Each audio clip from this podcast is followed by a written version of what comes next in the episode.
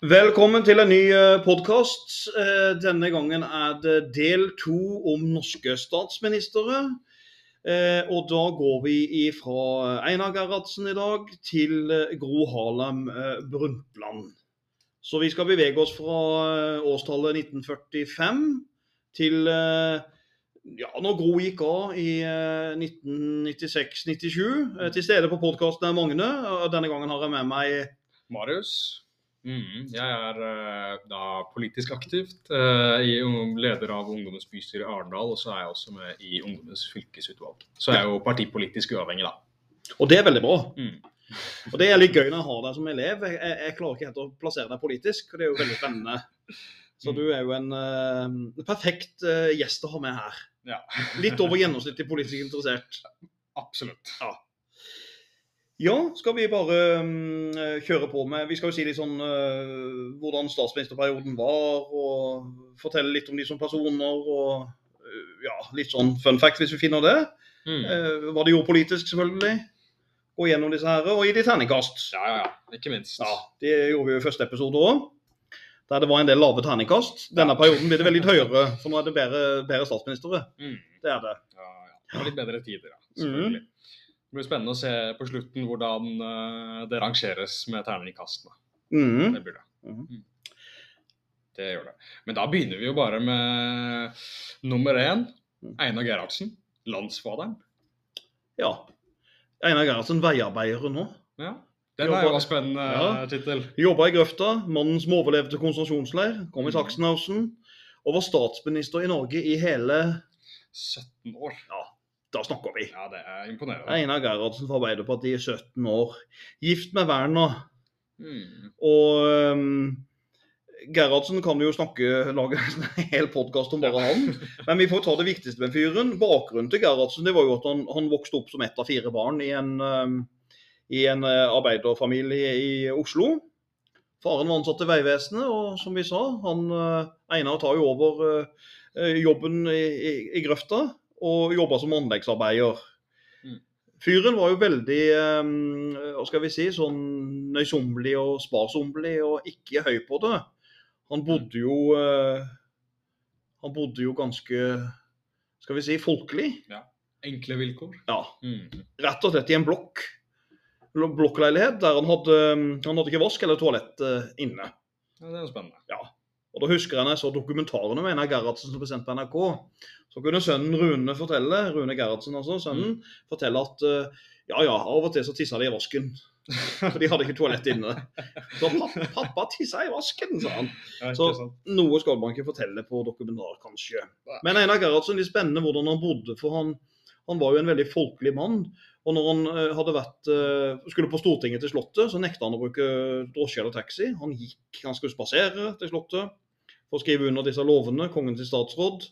Og han, eh, når han hadde besøk av den sovjetiske statslederen Nikita Khrusjtsjov i eh, blokkleiligheten sin, så trodde Khrusjtsjov han tulla. Du bor ikke her, sa Nikita Khrusjtsjov. Jo, det er her jeg bor. Her bor Norges statsminister. Så enkelt. I en faktisk blokkleilighet på Oslo øst. Så det var jo eh, Han ville rett og slett ikke tro han.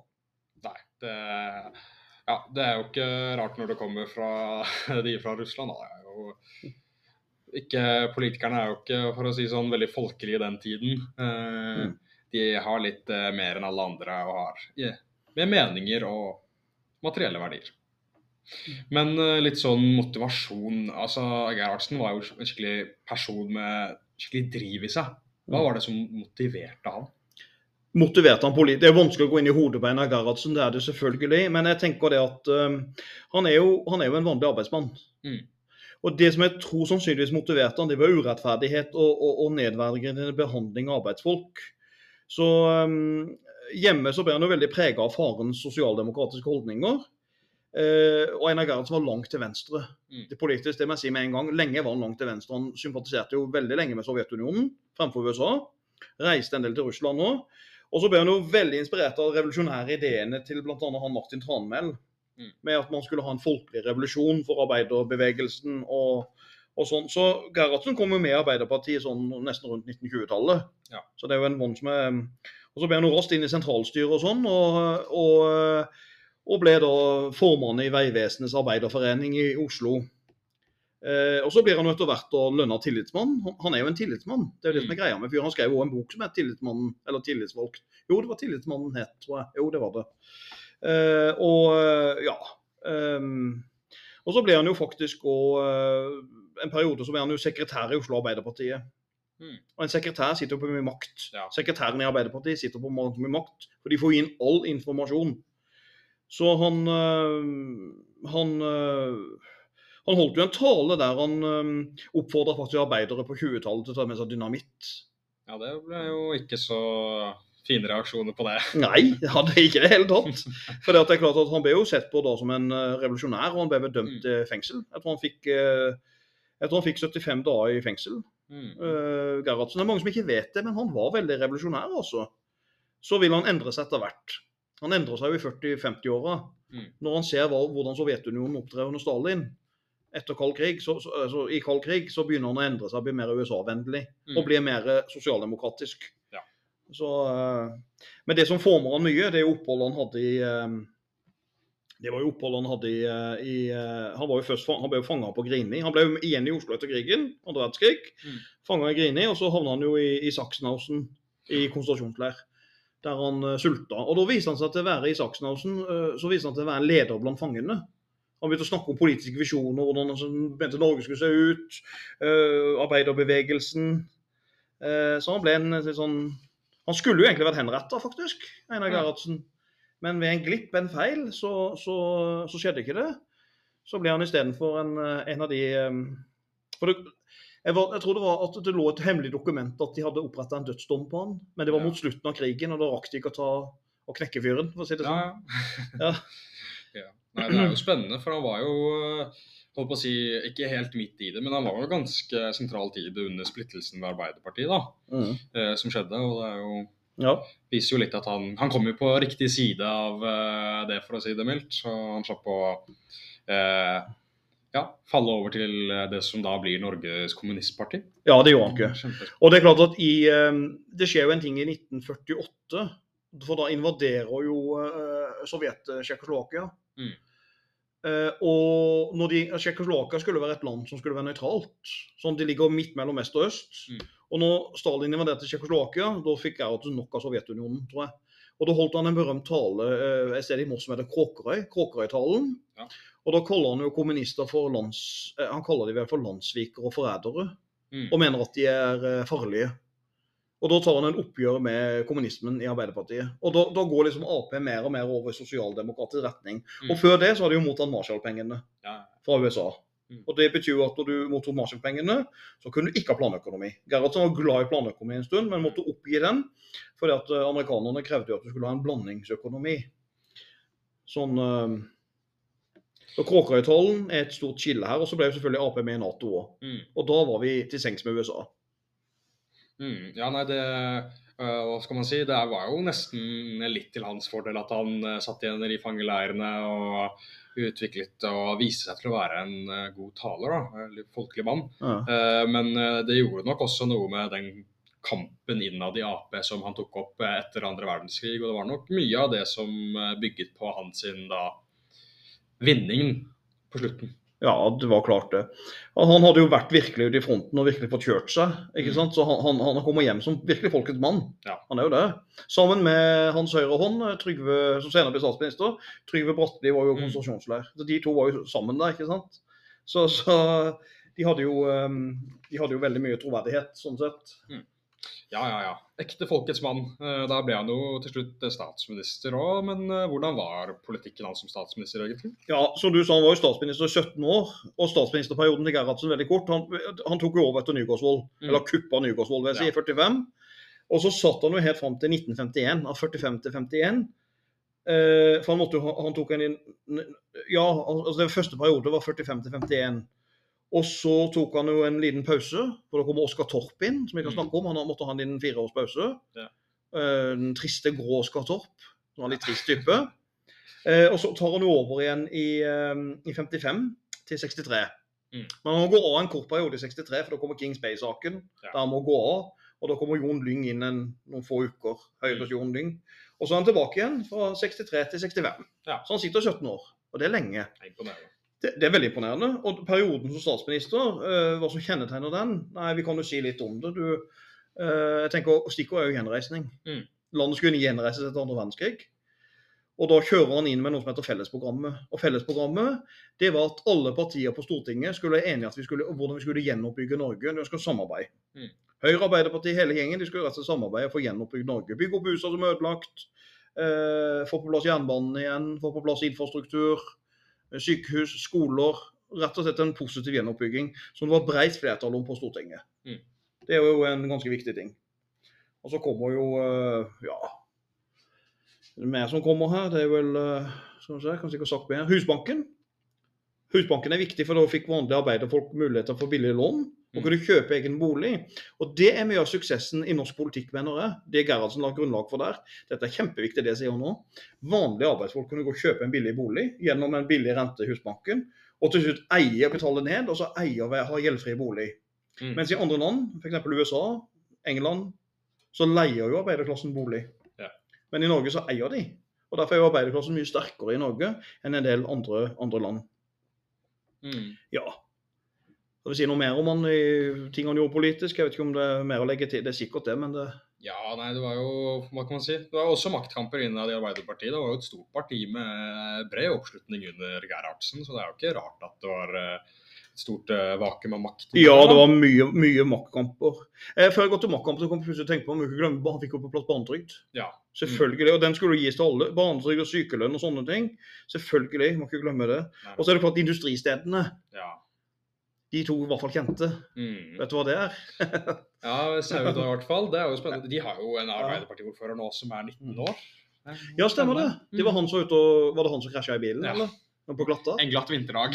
Overført på 19 år. Men det har vel nesten alltid vært Ap i Sauda, har det ikke det? Ja, Senterpartiet hadde vel et eh, brakvalg forrige gang, men nå falt Ja. de vel også på et brakfall. Ja. Og så har du jo Årdal. Og dette er jo sånn vannkraft, eh, altså energi, eller hva Ja. kaller det. Ekte industribygder. Ja, det er industribygder. Og sånn, Mm. Hvis Ap kommer under 40 der, så er det katastrofe. Ja. Det var, ikke sant? Dette, u, dette skulle være utstillingsvindu til Arbeiderpartiet, der de skulle ha industri. Mm. Ikke sant? Altså Du skulle ha arbeidsplasser, folk skulle ha jobb å gå til osv. Men uh, Gerhardsen tenkte jo, du sa det at det er konflikter i Ap. For så vidt enig i det. Eh, men Gerhardsen tenkte jo først og fremst Arbeiderpartiet, eller, eller regjeringa, som en kompisgjeng. Ja. De skulle samarbeide og lytte. Men konflikter var det jo, som du sier, i Høyre. Uh, for, uh, altså I høyre- og venstrefløyen i partiet. Mm. og Det må vi snakke litt om. For Ap, Ap har jo mange fløyer. Og den ene fløyen består av Håkon Lie. Ja. Håkon Lie var høyrefløyen i partiet, mot Gerhardsen som var med venstrefløy en periode. Og da sa jo Håkon Lie, partisekretæren, han sa jo på Stortinget en gang at Einar, jeg skal knuse deg som en lus. Ja. og Det er spesielt å si i Ja. eget parti. Og så andre fløykamper, skal vi nevne noen flere? Vi vi har mange sånne Ja, ja, ja. Eh, Vi har jo Reiulf Steen mot eh, Gro Harlem Brundtland. Mhm. Det er jo også spennende. Oddvar Nordli mot eh, Gro Harlem Brundtland. Hun Ja. virkelig kjøre seg, den dama der, altså. Ja, hun hun fikk hørt seg. Hun var dame, vet du, når vi kommer til. Gro. Og det, det er maktkamp, absolutt. Mm. For Gro Harlem Brundtland blir jo litt høyrefløyen i partiet, vil mange si. Mot uh, gamlegutta, eller gubbeveldet. Mm. Gamle gubbene, gamle arbeiderklasse, arbeidsgubbene. Og ikke minst LO. Ja, Mm. i høyeste grad. Ja, ja. Og så har du jo Jagland versus uh, Stoltenberg. Den var en klassiker. Ja, ja, ja. Den gikk. Og så har du i nyere tid har du jo Hadia Tajik mot ja, hva skal vi si, mot uh, Giske, kanskje? Ja. Eller Støre mot Giske, om du vil. også. Det er fløyer, det òg. ja, ja, ja. Ja. Mm. Ja. Er det noe mer å si om Einar Gerhardsen da, uten at det blir altfor langt, eller? Ja, jeg vet ikke. Kanskje vi skal si litt hvorfor han jeg vet ikke, Skal vi si hvorfor han er en så viktig person i, i norsk historie? Ja. Bare noen grunner til det. Altså, Mm. Han er jo en av de største nålevende Han er jo- en av de største nordmenn. For, for det første vil jeg tenke hvorfor han er så stor. Så er det jo det at han var jo norsk statsminister i 17 år. Mm. Og så er han jo hovedarkitekten bak den norske velferdsstaten. Ja. Det er jo ikke tvil om. Eh, Gerhardsen kan beskrives som en veldig slu politiker. for Han var veldig ø, rolig og myk og sånn. Men han kunne være ganske hard og brutal hvis han måtte. Eh, sånn som han var med Newcastle. Han var jo Mm. beinhard med Newcastle. Ja, ja, ja. Eh, og han forsøkte jo da faktisk å sabotere Trygve Bratteli en periode. For han var uenig med han, men til slutt så godtok han Bratteli som statsminister. da. Mm. Han sier det jo dirigerer det Gro Harlem Brundtland skulle bli statsminister fra sykesenga ja, ja, i 1981. Så han likte jo den makta. Han var en rå maktskikkelse. Eh, og så hadde han jo Så tenker jeg det at han hadde jo mye bra folk rundt seg. Han gjorde ikke dette alene. Fordi Gerhardsen hadde, han hadde jo et team rundt seg. Eh, F.eks. Jens Christian Hauge som forsvarsminister. Mm. Altså Han leda jo Milorg i andre verdenskrig, motstandsbevegelsen. Eh, Trygve Bratteli, som jeg mener er mm, nesten et geni i norsk politikk. som jeg Mm. kommer til. Han, Ja. han var meget dyktig. Ikke utdannelse, men et kjempegodt hode. Eh, han hadde jo han i NRK, hva er det han heter, han eh, kringkastingssjefen, han eh, gamle. Ja, det er jo to. Einar Førde var der jo. Ja. Ikke sant? Og Bjartmann Gjerde. Så du har, et godt, du har et godt team rundt han. Selvfølgelig Håkon Lie, som jeg nevnte. Mm. Og så skrev han jo boka 'Tillitsmannen', Gerhardsen. Og da kommer kanskje det viktigste med en politiker. Den boka 'Tillitsmannen' har jeg lest litt i. Mm. Og den burde kanskje Arbeiderpartiet lest litt mer i dag. For der er man veldig opptatt av å være folkelig. Mm. Gerhardsen var veldig opptatt av å gå ut fra Youngstorget og sette seg på benken og prate med folk. Lukke opp vinduene på Youngstorget bare for å høre folk prate. Mm. Han ville være nær folket. Og han elska jo det å gå på ski med familien, lage bål og koke opp kaffen. Han kokte kaffen opp tre ganger. Ja. og så hadde han sånn eh, ja, Det heter sånn du rører med en glødepinne i kaffen. Ja, Du kan sikkert kruttsterk arbeiderkaffe. Ja. Dette har sen- eh, sånn sement å drikke sikkert. Og så pleide han å si det. Ja, nå har arbeidsfolk det godt, sa han. Når han Mm. lå liksom i skogen og drakk den kaffen. Nå har arbeiderne det godt. Eh, så jeg tror han var veldig opptatt av det at arbeiderne skulle ha fri eh, og kunne kose seg. Eh, men samtidig så satte han inn plikter i læresetninga si. Altså Mm. gjør din plikt, krev din rett. Det er jo kjent fra Einar Gerhardsen. Mm. Eh, for du skulle, du skulle på en måte gå på jobb. Ja. ja, nei, Det med at politikere skal være folkelige, det er jeg jo enig med deg i. Det er jo akkurat det. Vi er jo, er jo her for å representere folket. Eh, men da vil jo jeg knytte den bindingen litt mer i moderne tid, og faktisk i Agder. Ja. Eh, jeg sitter jo eh, sammen med fylkesutvalget som ungdomsrepresentant og snakker med de, Mm. og jeg vil si virkelig Arne Thomassen.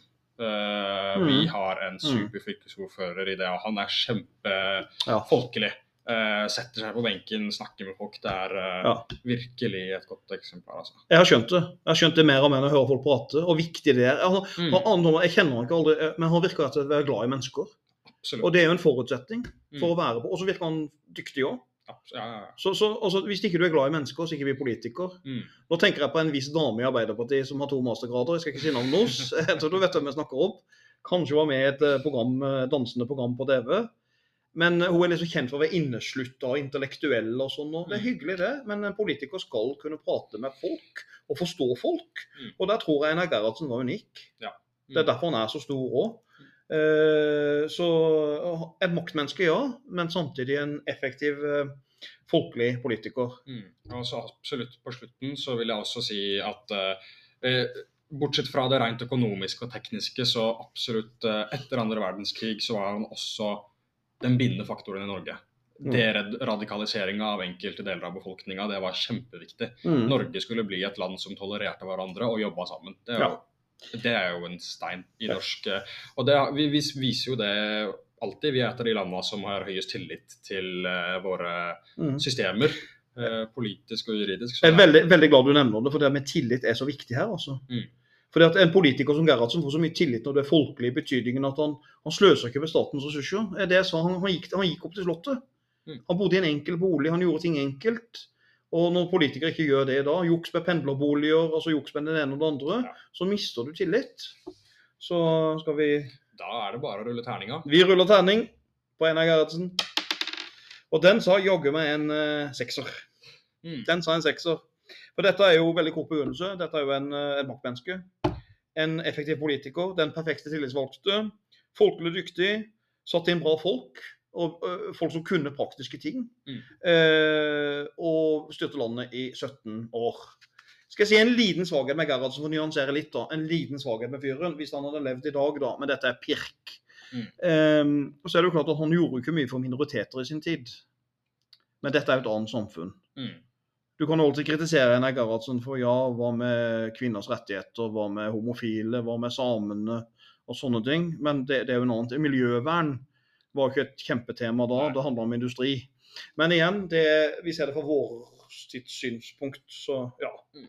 Men nå har vi brukt mye tid på Einar. Ja, ja, ja, det er Sånn er Vi det. inneholder mannen. Ja, det Men da mye. tenker jeg jo bare vi flyr over til neste person, da. Eh, Og det får jo bli han Oskar Torp. Oskar Torp, ja, stemmer. Mm. Ikke så mye kjent for folk. En sånn grå, grå skikkelse. Mm. Men han øhm, Ja.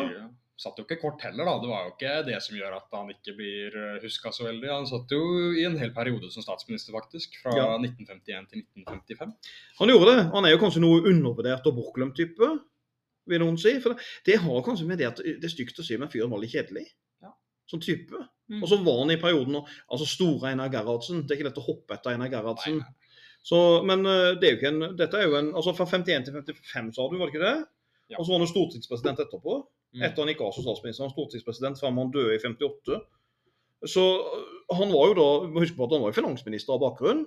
Ja. Han var forsvarsminister og sosialminister, og det var i regjeringa til Nygaardsvold. Og så ble han forsvarsminister i Gerhardsens første regjering. så Han var jo veldig tungt skolert. altså han var, Dette er en rutinert mann. Mm. Han hadde vært eh, fire ministerposter, kan du si. Og så var han ordfører i Oslo i 30-åra. Eh, 36 til 38 var han ordfører i Oslo. Mm. Og han var parlamentarisk leder for Arbeiderpartiets stortingsgruppe. Eh, Så, så han eh, Og det rare her, skal jeg si, hvis Hitler ikke hadde invadert Norge At Norge hadde klart å være nøytrale som Sverige var, så hadde kanskje Oskar Torp blitt statsminister. Ja. Ikke Gerhardsen. Nei. Og da hadde Torp blitt den her eh, Sånn som svenske Per Albin Hansson, som ble sånn en samlende, nøytral leder. Istedenfor så ble han egentlig bare den vikaren som Gerhardsen altså, Han ble vikar for Gerhardsen, og Gerhardsen trengte en pause. Det var jo det han egentlig ble. For å si det sånn. Ja. og skal opp. Som var utdanna elektriker, faktisk. Mm. Ja, tenk på det. Ja, ja, ja. Mm. ja det så, ja. Ikke så mye å by på som personlig vis, da, men eh, bakgrunnen hans, da, har det noe Ja. Han, Ja, det har egentlig det. for Han, litt sånn som, han kom jo fra enkle kår i Østfold. eh, og eh, jeg tror det var ni søsken. Oi. Så han er nok vant til å dele på godene. eh, og han var jo barnearbeider. Han, han arbeider som barnearbeider, faktisk. Og møtte da undertrykkelsen til arbeidere som, som, som barnearbeider. Og eh, så ble han 15 år gammel, så ble han faktisk sånn fagforeningsleder eh, på Hafslund. Ja. Så han var tidlig ute. eh, og han er jo litt spesiell fordi at Norge ble angrepet i 1940, da var det jo han som var finansministeren. Ja. ja. Og da hadde han et viktig ansvar, nemlig frakte noe bort fra nazistene. Mm, ja, det var jo regjeringa Ja. og kongen. Ja, det var det òg, Mm. men noe som de hadde regjering av kongen som var verdifullt. Gullet. Nettopp. Mm. Frakte gullet. Det er jo lagt en film om det, er det ikke det nå? Ja, ja, ja. Nylig. Så han frakte jo vekk gullet fra nazistene, det lykkes de jo med. Og så ble han jo forsvarsminister. Men når Torp ble forsvarsminister, så ble det litt omstridt. Fordi at han kom i konflikt med en ganske kjent general. En av de få krigsheltene vi hadde i Norge. Ja. Ja, han øh, Hva den heter August øh, Fleischer. Fleischer, ja. Mm. For det at øh, Fleischer fikk jo aldri stillinga han søkte av Oskar Torp. Og så sendte de jo Fleischer til et sånn hva skal vi si, utpost, Urias postoppdrag, kalles det jo, sånn langt i periferien. Ja. Så han fikk en sånn drittjobb oppe i Canada, når han egentlig søkte en høyere stilling. Og han begikk jo selvmord, da, Ja. han Fleischer. Og noen har jo faktisk gitt Oskar Torp skylda for det. At han pressa Fleischer utover sidelinja, men det er kanskje litt slemt. Men ja. Mm. Nei, men du, jeg tenker egentlig Torp var jo en tørr type, kjedelig mann. Men han var lite fin på det. Litt sånn folkelig bakgrunn der òg. Mm. Og det kom jo fram i Stortinget. da, når han var på Stortinget, så dansa han gjerne på stortingsfester med vaskedamer. Eller det vi da kaller Ja, ja, ja. renholdspersonale, for å være politisk korrekt. Og det var jo sånn, Utlendingene stussa veldig når vi var i Norge. Sånne utlendinger i Norge. Så Norges statsminister dansa med vaskepersonale. Ja. Han brydde seg ikke om det. Nei. Han svingte seg rundt. Igjen folkelig. Ja, og klasselikhet Mm. som er litt sånn typisk i Norge. Men Oskar Topp var nok ikke så veldig glad i Sovjet. fordi at øh, når en fyr døde i 1953, Mr. Stalin. Mr. Stalin, så ville han ikke gå i begravelsen til Stalin. Nei. Så det var ja, Det var en statement. det var en uh, tydelig statement at de var litt lei av Sovjetunionen og Mm. undertrykkelsen der. Ja ja, men da er vi jo over til uh, skjebnen selv. Terningkastet. Terningkastet på, uh, på Torp, det blir, det blir en ja, skal vi si, kan vi si en svak firer, kanskje. Det er jo en periode på fire år han styrer. Han er vikaren til Gerhardsen og gjør lite feil i perioden. Norske velferdsstaten bygges videre. Det er en ryddig styring, men det er lite nytt. Ja. Han burde jo kanskje satt inn noen nye folk og vært litt mer kreativ her. Men konflikter begynner å oppstå uten Einar Gerhardsen. Det begynner å bli litt maktkamp. Partiet begynner å skrive Dette, Noen har pratet sammen. Nå kommer den. Ja, ja, ja. Ap er jo kjent for det. Noen har snakket sammen og blitt enige om noe. Så ja. Mm. Ja, nei, men da flyr vi over til han mister Mr. Jon Lyng. Oh, Eh, og i motsetning til eh, Jeg må bare nyse. Oi. Prosit, prosit. åh, det var godt. Jon. Lyng. Ja, ja, han Jon Lyng, i motsetning til de to før han, så har jo han en veldig kort periode som statsminister. Ja, Jon Lyng han sitter ikke lenge. Hvor lenge var det, da? Eh, altså Jon Lyng fra Høyre. Ja, det var jo 1963, men hvor lenge i 1963 det var? Ja, det var ikke mange ukene. Ja, nei, det var ikke det. For eh, Jon Lyng, han veldig kort, og dette er jo Kings Bay-saken. Han blir jo statsminister fordi Gerhardsen må gå av pga. mistillitsforslag. Mm. For det er den gruelykken Kings Bay på Svalbard. Ja. Regjeringa har fått beskjed at de bør sikre og trygge grua, for den er utrygg. Mm. Og så raser den, og en del, jeg tror det er noen 15 mennesker som dør i, på Svalbard i den gruelykken. Og da, ja, og da går jo faktisk SF, Sosialistisk Folkeparti, Mm. i dag heter jo det Sosialistisk Venstreparti? nettopp, de går sammen med Høyre og sånn, og så, og så styrter de regjeringa Gerhardsen. Mm. Og så hvem skal bli statsminister da? Jo, da blir det Jon Lyng, men han Ja. sitter kort, for Gerhardsen tar jo makta tilbake igjen. Selvfølgelig Ja, ja, ja. gjør han det. Men hvem er Jon Lyng, da? Det er jo det, da. Mm. Ja. Det, ja. Hvem er han egentlig? Ja, det kan du si. Vi, mange, mange vet mye om han. Nei. Men han, han er et stort navn. Det noen stor statsminister for det så kort periode. Mm. Men han var jo egentlig en, en jurist. så Han blir kalt en sånn juristpolitiker. Og da er han jo veldig på linje med Norges første statsminister, som het Fredrik Stang. Mm. Som var liksom i lomma på Sverige, da. Han var Ja. jo sånn svenskvennlig. Så regner jeg ikke med han. Vi har jo kun reist statsminister fra 1905 med Mikkelsen. Mm. Men det var en veldig liberal, sentrumsorientert type. Jeg vil beskrive han sånn politisk, han eh, Jon Lyng. Eh, han eh, Litt reservert og sky type. Så det er jo ikke den folkelige typen sånn, sånn sett. Mm. Eh, men det overraskende var at han hadde veldig sånn vennskapelig bånd til politiske fiender. Han var venner med Finn Gustavsen i SF. Ja. Altså En, venner, en høyremann er venner med en sosialist på privaten. ja, ikke sant, ja. Det er ikke ofte du ser. Nei, nei. Han var vel trønder, tror jeg, han Jon Lyng. Han var vel født i Trondheim. Eh, så eh, Han gikk vel bort død i 78. Mm. Ja. Studerte juss og ble dommerfullmektig. Og så I 30-åra så reiste han til Tyskland, Ja. faktisk. Og da fikk han jo møte Adolf Hitlers nazibevegelse. Og det gjorde dypt dypt inntrykk på Jon Lyng. Det er en ting jeg vet om han. Han, han hata etter det sånne totalitære diktaturbevegelser. Han hata det. Så ble han veldig sterk tilhenger av demokrati øh, og moderasjon. Og så hadde han en viss forståelse for arbeiderbevegelsen, så dette er ikke en veldig konservativ høyremann. Det er en mer sånn sentrum-liberal-orientert høyremann. Så øhm, Under andre verdenskrig så var han jo med i motstandsarbeid. Eh, og del med Sverige. Fakta var med faktisk over til Sverige.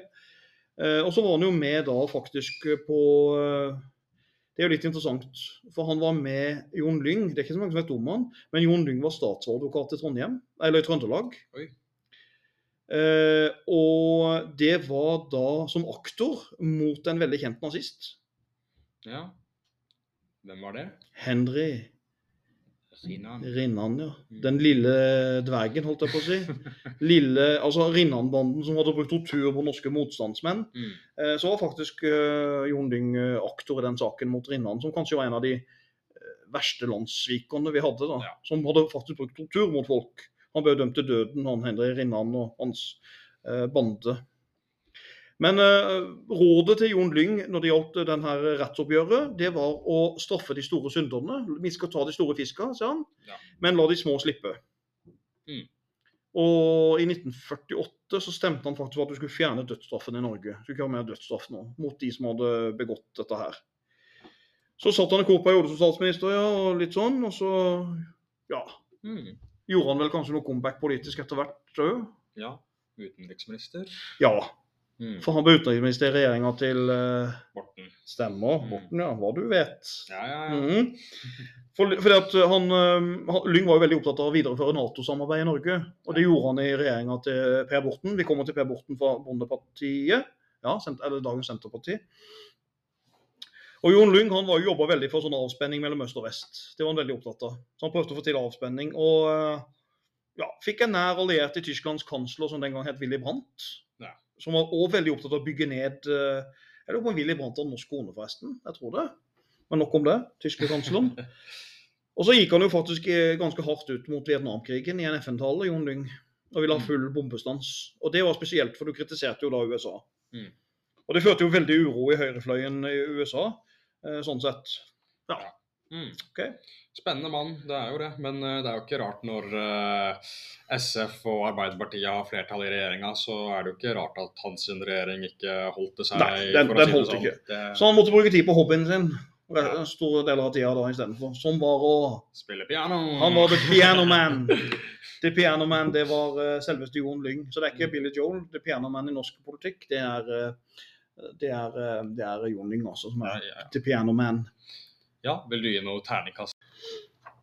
Ja, terningkast på Jon Lyng, sier du, ja? Ja, skal vi si der. Vet du hva, jeg, han er en av de jeg kan ikke gi terningkast. Nei. For han sitter i en så kort periode at det er helt umulig. Han er jo statsminister bare noen uker. Men eh, jeg får si at det er jo en, det er en stor statsmann, det er det jo. Han var Mm. utenriksminister og ja, høyesterettsadvokat altså, eller, eller ikke høyesterettsadvokat, men han var jo aktor i den eh, saken der. og det kan si at I 1977 så ble Jon Lyng rammet av kreft- kreft og, og døde eh, rett før han fikk avslutta sitt fjerde og siste bind av sine memoarer. Ja. Han var på vei til å skrive litt da. Mm. Men han hadde jo en interessant rolle i andre verdenskrig. Ja, Nettopp at han gikk mot rinnene og sånn. Det synes jeg er litt spennende med Mm. fyren, som ikke vi vet så mye om. Ja. Nei, jeg har jo en liten historie der, da. Eh, For det handler jo det om at han skulle straffe de store synderne, ikke de små. Eh, Og bestemoren min var jo under slutten av andre verdenskrig faktisk 14 år, oppe på Sunnmøre. Eh, Så de hadde jo tyskerne hos seg veldig ofte, og de drev gård. Så de måtte jo sanke inn mat og alt det, og det, måtte loggføres. Strengt, strengt, strengt loggføring. Og tyskerne kom innom hver uke, for å si det sånn, for å ta litt ekstra rasjoner til seg selv. da. Eh, Men de var aldri ufine.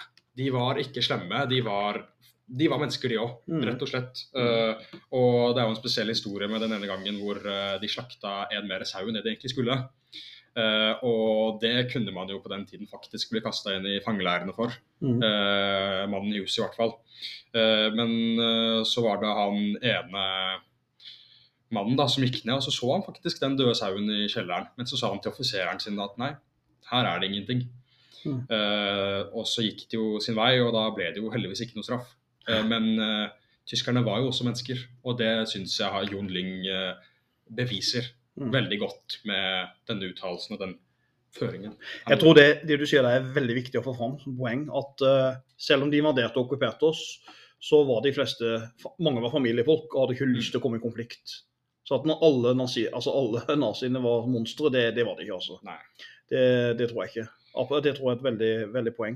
Um, jeg har hørt mange, mange historier om det, for å si det Mm. sånn. En kort historie jeg tar sjøl òg nå, som når det gjelder andre verdenskrig, veldig kort, da, før vi går over til neste statsminister. Det var min eh, gamle tante, som er er 90 år nå, tenker jeg. Mm. Hun eh, ble jo eh, satt på en buss under andre verdenskrig. Hun var liten, søt, blond jente, da. Og så plutselig så var det en av de tyske soldatene på bussen som dro, satte opp på fanget sitt. Røkka opp og satte opp på fanget sitt. Og ble veldig redd da. Mm. Og tenkte å hjelp, hva er det nå? Og så plutselig dro han opp tyggegummi og ga tyggegummi. Ikke sant? Som var kanskje litt sjeldent den gangen, vil jeg tro. Eh, Smilte og klappa på håret, og så dro han opp bilde av lomma si. Så hadde han en datter hjemme i Tyskland som var helt, Ja. nesten lik henne. Så han var en familiefar som syntes det var så veldig koselig med den lille søte jenta der. Mm. Så han måtte bare gi henne den tyggisen og vise bilder at altså, han hadde sagt noe på tysk at dattera var ganske lik. og Ja. annet sånt. Igjen menneske, menneskelig. Mm. Men vi må videre på neste Ja, ja, ja, det tar, tar jo litt tid, holdt jeg på å si, men da er vi jo rett over på Per Borten. Per Borten, ja. Mm. Han sitter i perioden 65 til 61, var det vel? Ja, ikke 61, det går vel ikke. Nei, 71 mener jeg da. Går tilbake til dagen. Per Borten er jo kjent som ja. ja. statsministeren fra Ja, han var jo fra eh, Senterpartiet. Mm. Men det ble vel kalt den gangen for uh, Bondepartiet. Bondepartiet. Så bytta de etter hvert, ja. Men Per Borten er jo statsministeren som gikk i underbuksa. Det ble det han ble kjent for. Altså, så Det mange forbinder med Per Borten, det er en veldig folkelig mann som gikk i underbuksa. Mm. Så ja. Ja, nei, Han var jo sentral i den omstillingen eh, Bondepartiet den gang da, hadde til eh, å modernisere seg selv og appellere til flere grupper. For Det var jo, eh, var jo klart at de mista mye av den fotfestet de hadde i norsk politikk fra før av. De skulle appellere til fiskere og til ikke bare bønder. Mm. næringsliv og Så eh, han Borten han satt jo på sin dødsdag og grubla veldig hva han kunne gjort annerledes. For han måtte jo gå av på en dum måte som statsminister, følte han. Det er jo riktig om vi kommer til det. Men så tenkte han hva- hva i verden kunne jeg gjort annerledes? Spørsmålet stilte han mye, og svaret på det det er at han kunne gjort veldig mye annerledes. Ja. Han var litt naiv. Mm. Men det er, han var jo veldig lite altså I USA så sier du at presidenten er såkalt presidential. Ja. Han her er veldig lite statsministeraktig. Igjen, han gikk i trusa. Ja. Ikke sant? Altså, han gikk sånn skitten kledd, og han snakka fritt og vilt. og Han, han var litt sånn uh, litt sånn cowboy på mange måter, da virker det som. Mm. Uh, og han leda jo uh, en samarbeidsregjering, og eh, var jo egentlig en folkelig type som mange likte bra. Det var jo Per Borten. Han ble Mm. godt likt. Det gjorde han. Han var jo ordfører i Flå før han uh, steppa inn i rikspolitikken. Og så ble han jo partileder til slutt, fra 55 til 67. Mm. Og som så du sier, du sa det jo veldig bra, du. Hans mål var å gjøre Bondepartiet mer moderne. Det sa du egentlig veldig greit, tenker jeg. Og du skal appellere til mer enn bare bondesamfunnet. Og Det er kanskje derfor han blir statsminister òg, for han klarer å gjøre partiet større. At det ikke er bare sånn lite særinteresseparti for bøndene, det skal være større. Og ehm, ja, så tar de vel i 59 tar de vel navnet, da tar de vel navnet Senterpartiet. Ja. Da de endra det litt. Grann. Mm. Ja, nei, Under eh, regjeringstida så ville vi jo Ja, den første perioden, de fire første åra til 1969, var vel de eh, det mest effektive. eh, Hvor de klarte å få frem mest av politikken sin, da. Men er det noe der som er skikkelig sånn merkeferdig? Ja, hva de fikk til, tenker du på politisk? Først og fremst vil jeg jo si det at uh, Borten han, uh, han fikk jo på plass en ting han er veldig stolt av i 1967. Mm. Veldig stolt av. Han var jo i ko koalisjonsregjering med det var vel Høyre, var det ikke det? Jo. Jeg tror de var sammen med Høyre. Nå ble jeg litt usikker. Vi kan jo ikke alt der. Men han var sammen med Høy- Høyre i eh, koalisjonsregjering. Eh, og, og Kristelig Folkeparti. Og Venstre. Men så var det noen av de som stakk ut. Det var, det var en svær, altså svær koalisjonsregjering, da. Mm. Men poenget i 67 så klarte de å få innført folketrygden. Kjempeviktig. Og det er jo bærebjelken i velferdsstaten. Og de sier jo ofte Høyre, sier jo det, særlig de Høyre var med å lage folketrygd i Norge, det er ikke Mm. Arbeiderpartiet. Dette får vise at norsk politikk handler egentlig Alle er enige at du skal ha velferd. Mm. Og dette kom faktisk under en, skal vi si, en sentrum-høyre-regjering. Så kom folketrygden. Og så innførte du momsen. Kanskje ikke så populær den, men viktig for finansiering av velferdsstaten. Momsen kom jo på slutten av 60-tallet under han. Og så ble det jo veldig fokus på utdanning nå av distriktshøyskoler. Altså Ja. man skulle utdanne bygdene. Ut i periferien. Ja, egentlig. Mm. Veldig. Og så mer små sånn flyplasser i kystområder, særlig oppe i Nord-Norge. Widerøe-flyer som flyr rundt i Nord-Norge, de Ja. kommer nå i denne perioden. Eh, man utbygde universiteter i to veldig vakre byer. Trondheim og Tromsø. Mm. Flotte byer begge to. Og så ble det jo gitt mer erstatning til krigsseilerne. Eh, men der Borten var kritisk, han var veldig kritisk til POT. Ja. POT står jo for Politiets overvåkingstjeneste Mm. eller sikkerhetstjeneste. Og de drev jo overvåka De hadde jo overvåka en del i Norge.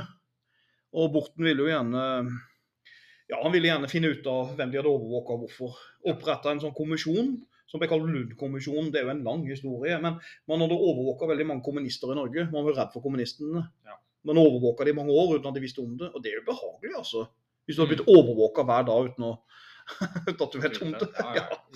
Så, så jeg tenker Borten-regjeringa var jo um, han, han hadde jo en koalisjonsregjering som satt sammen med fire partier en stund. og Det er jo et kjent bilde at han sa å, å lede en koalisjonsregjering, det var som å bære fire staur på ryggen. ja. For hva skjer hvis du bærer fire støv på ryggen? De vil alle gå sin egen vei. Nettopp. Og så er det sånn bilde der han går i trusa. Selvfølgelig i trusa. Med de fire staura på ryggen. og de spriker i fire retninger. Og han sleit jo i den regjeringa.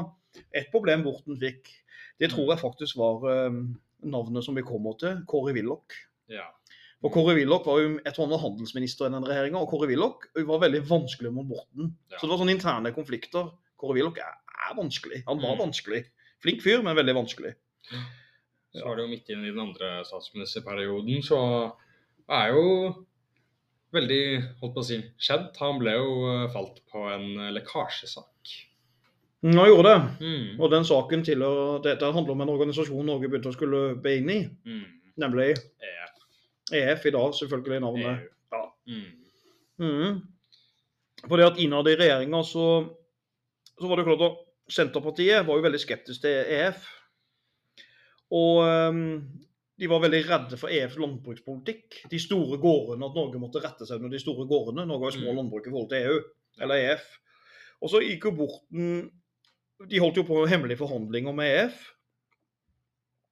Og eh, plutselig så snakka Borten, jeg tror han var på et fly, så klarte Borten å forsnakke seg til en del eh, journalister. Ja. Og, og en del folk øh, var det mot Altså øh, det her øh, nei til EF eller EU. øh, Han klarte å snakke seg til de om eh, diplomatisk hemmelige avtaler. Ja. Og dette er storpolitisk spill. Han bare snakka fritt ut om folkelig typen han var. Og det var jo en kjempetabbe. Og det, det ble ikke bra. Mm. For da kom jo det ble det lekt i avisen at han hadde røpa viktig informasjon Mm. om øh, forhandlingene. Og da måtte han til slutt gå av. Per Borten ble jo kalt for Borte-Per, forresten. Fordi at han kunne ta møter og snakke usammenhengende i timevis. Han var jo veldig sympatisk på mange måter, men han, han kom jo aldri til poeng av og til, og kunne fort skifte meninger. Ja. Så han var lite effektiv i, når han leda møtene. Det var ikke som Gro Harlem Brundtland, som var rett på sak, to the point. Mm. Eh, han her var, kunne prate om eh, en kaffekopp i et kvarter.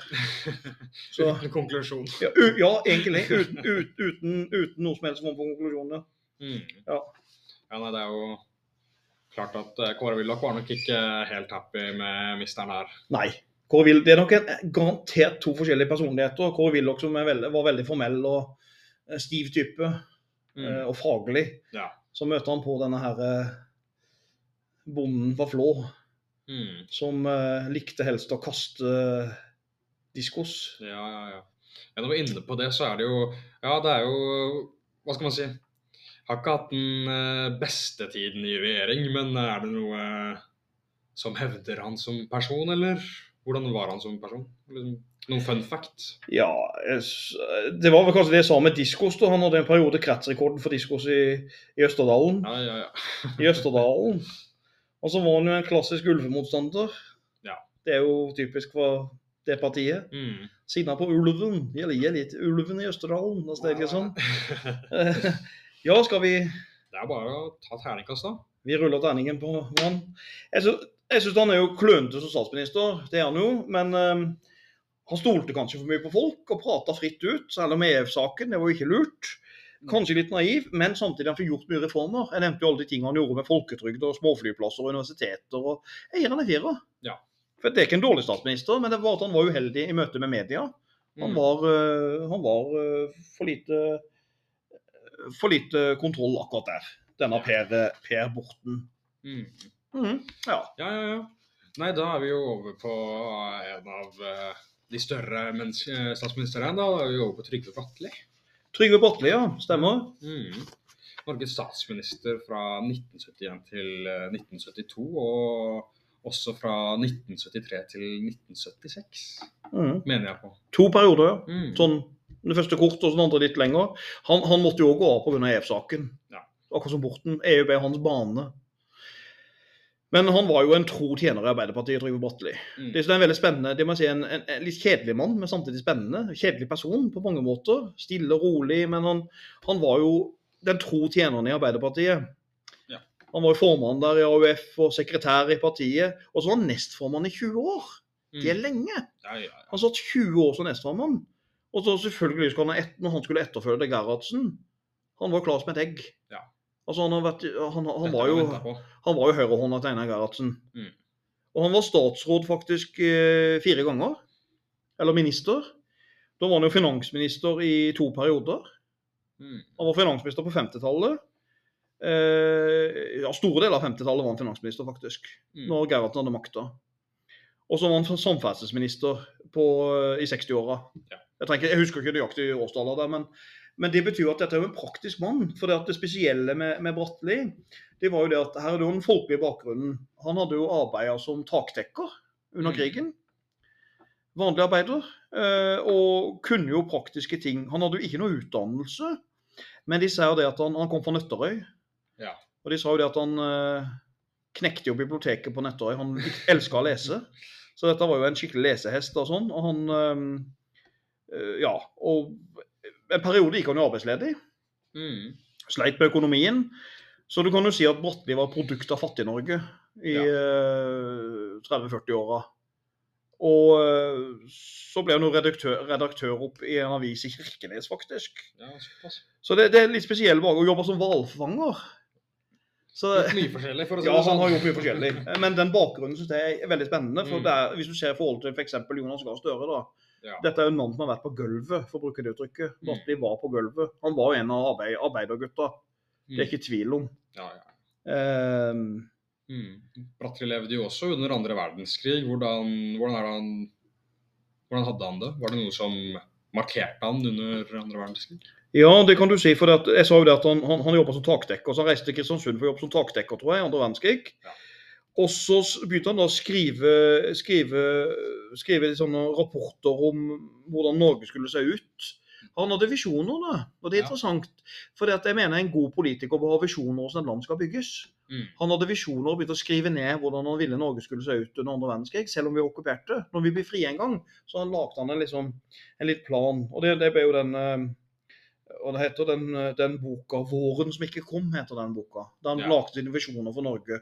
Og det som er interessant, skal du sammenligne med f.eks. Jens Stoltenberg. Vi kommer jo til Jens Stoltenberg. Jens Stoltenberg vil jeg si er en meget dyktig politiker, men jeg syns ikke han hadde visjoner. Mm. Altså, for Han var en sånn realøkonomisk, saklig type. Men hvor var visjonen, og ambisjonen og idealismen? Den hadde jo ikke kanskje Jens Stoltenberg. Jeg sier kanskje. Men øh, han ble jo fanga, da. Så, altså, han øh, Bratteli han ble jo fanga av nazistene i 1942. Og så havna han i natt- og tåkeleiren i Tyskland, som det ble kalt. Nacht und Nebel, er det ikke det? Og øh, det var så vidt han overlevde. Han veide, når han ble funnet der, så ble han nesten funnet i en likhaug. Han var nesten død. Og veide 47 kilo. Så han, han ble funnet rett og slett halvdød. Mm. Eh, Trygve Bratteli. Og det prega han jo veldig. da. Eh, Han, han fikk jo psykisk, altså, eller fysiske og psykiske skader av dette her da han var statsminister. Uh, han den sulten han var utsatt for. Mm. Ja, han, men han satt jo også Som eh, på likhet på den tiden, så satt han jo også i en maktkamp i Arbeiderpartiet. Ja, det gjorde han. For uh, han skulle jo ta over etter Gerhardsen. Og uh, det var en del som forsøkte å forhindre Bratteli som, som, som, som ny partileder og statsminister. Mm. For de var nok kanskje litt redde for at han skulle være litt for treg. Han snakka seint, og han var ikke noen god taler. Nei. Eh, no Gerhardsen var jo virkelig eh, velgermagneten. Mm. Dette her er en politiker som var eh, eh, rolig og sakte. Han snakker litt sånn uh, Trygve liksom veldig sånn, det er sånn eh, Trygve, Han var jo på Åmli da når Ja. Åmli jernbane åpna og greier. og Når bakeriutsalg på Åmli og holdt noen tale, så, så er det litt sånn I 70-åra var det her, da, så er det litt sånn ja, Trygve Bratteli fra Arbeiderpartiet. Det er veldig viktig at arbeiderne forener seg og jobber sammen for likelønn. Det gikk veldig seint. ja. Men hvert ord var overveid. Men poenget da, den maktkampen vant han jo, fordi at han har Ja. så mye tyngde. Han hadde så mye tyngde som finansminister, 20 år som nestleder, og du kunne ikke overse Trygve Bratteli som partileder etter Gerhardsen. Han var den perfekte etter... Ikke perfekte, men han var en naturlig avtaker. Mm. Og det Bratteli mislikte sterkt i Arbeiderpartiet, det var jo det at noen hadde snakket sammen. Mm. Hvis jeg ser serien Makta, Ja. så stopper de hvordan er de prater sammen der. Ja, nei, jeg har jo personlig ikke sett helt det selv, så jeg er jo litt usikker på det. Men Ja. det er jo klart at det er mye som skjer bak kulissene, altså. Ja, de stopper i en heis. Mm. Og det er reelt da. De stopper heisen og prater i heisen, eller gjerne i bøttekott, Ja. og så snakker de sammen. Offentlige avgjørelser. Noen har snakket sammen. Mm. Bratteli ville ha litt mer åpenhet. Ja. Nei, det, det er jo spennende. Jeg har jo um, som, I Ungdommens bystyre så har jeg hatt anledning til å møte svært mange forskjellige folk. Og jeg har faktisk møtt en eh, Mm. som var med på, fra delegasjonen fra Arendal, på landsmøtet faktisk, Ja. hvor dette skulle avgjøres. Men eh, eh, det er jo klart, de fikk jo ikke med seg hva som skjedde bak kulissene i det hele tatt. Så denne Mm. framstillingen hadde de ikke på Mm. noen slags måte. Det er ofte når du opplever det i praksis. Mm. Det er det. Det er det. Uh, men, men. Uh, hans første periode som statsminister i 1971 til 1972. Ja. Var det? Nei, altså da får du jo um, Det Bratteli gjør som kanskje blir litt topp, er at han engasjerer seg veldig sterkt for den der eh, å være med i EF. Ja. Og det er jo en ting som fører til veldig strid, indre strid i partiet. Mm. Han har lyst til å være med i EF, og plutselig så Partiet Ap har jo hatt 50% i oppslutning, og etter hvert nå så synker oppslutninga. Den går ned i dette er dramatisk, den går ned i 42-43 Ja, ja, at det går Tenk, det er jo, altså I dag er det under halvparten. Ja. Altså Den gangen var det katastrofe. Å nei, de har ikke 50 oppslutning. Ja. Så han, men det som er spennende, er jo ok, han sliter med den EF-saken. Uh, for han vil være med inn i EF og sånn. Den, eh, for det blir jo nei, det vet vi jo. Ja. Folket stemmer nei, og da må Bratteli gå av.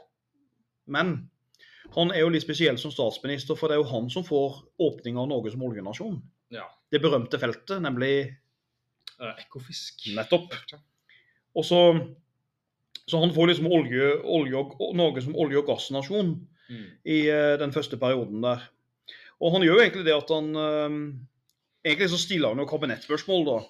Mm. For når han spør det norske folk hva de vil, vil de være med i uh, Litt sånn som Christian Michelsen gjorde i unionsoppløsninga 1905. Ja. Eh, skal vi være med eller uten Sverige? Altså, skal vi være med eller uten EF? Og for Bratteli så mente han at eh, han måtte gå av når man sa da nei til eh, EF. Mm. Og den som da tar over en kort periode, da, blir han ukjente Lars uh. Ja. Mm. Men først må vi snakke om, før vi går på Lars Kårvald, så må vi snakke om perioden til Bratteli nummer to. Ja, ja, ja.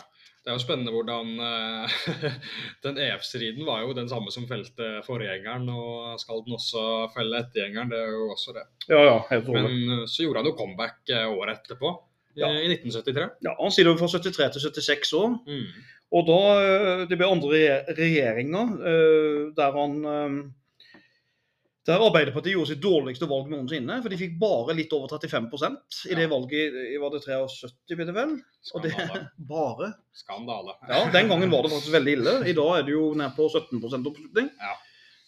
Um, men uh, den regjeringa til Bratteli han prøvde å være litt nyskapet i den. For det er der Gro Harlem Brundtland kommer inn, nemlig som Miljøvernsminister. Helt riktig.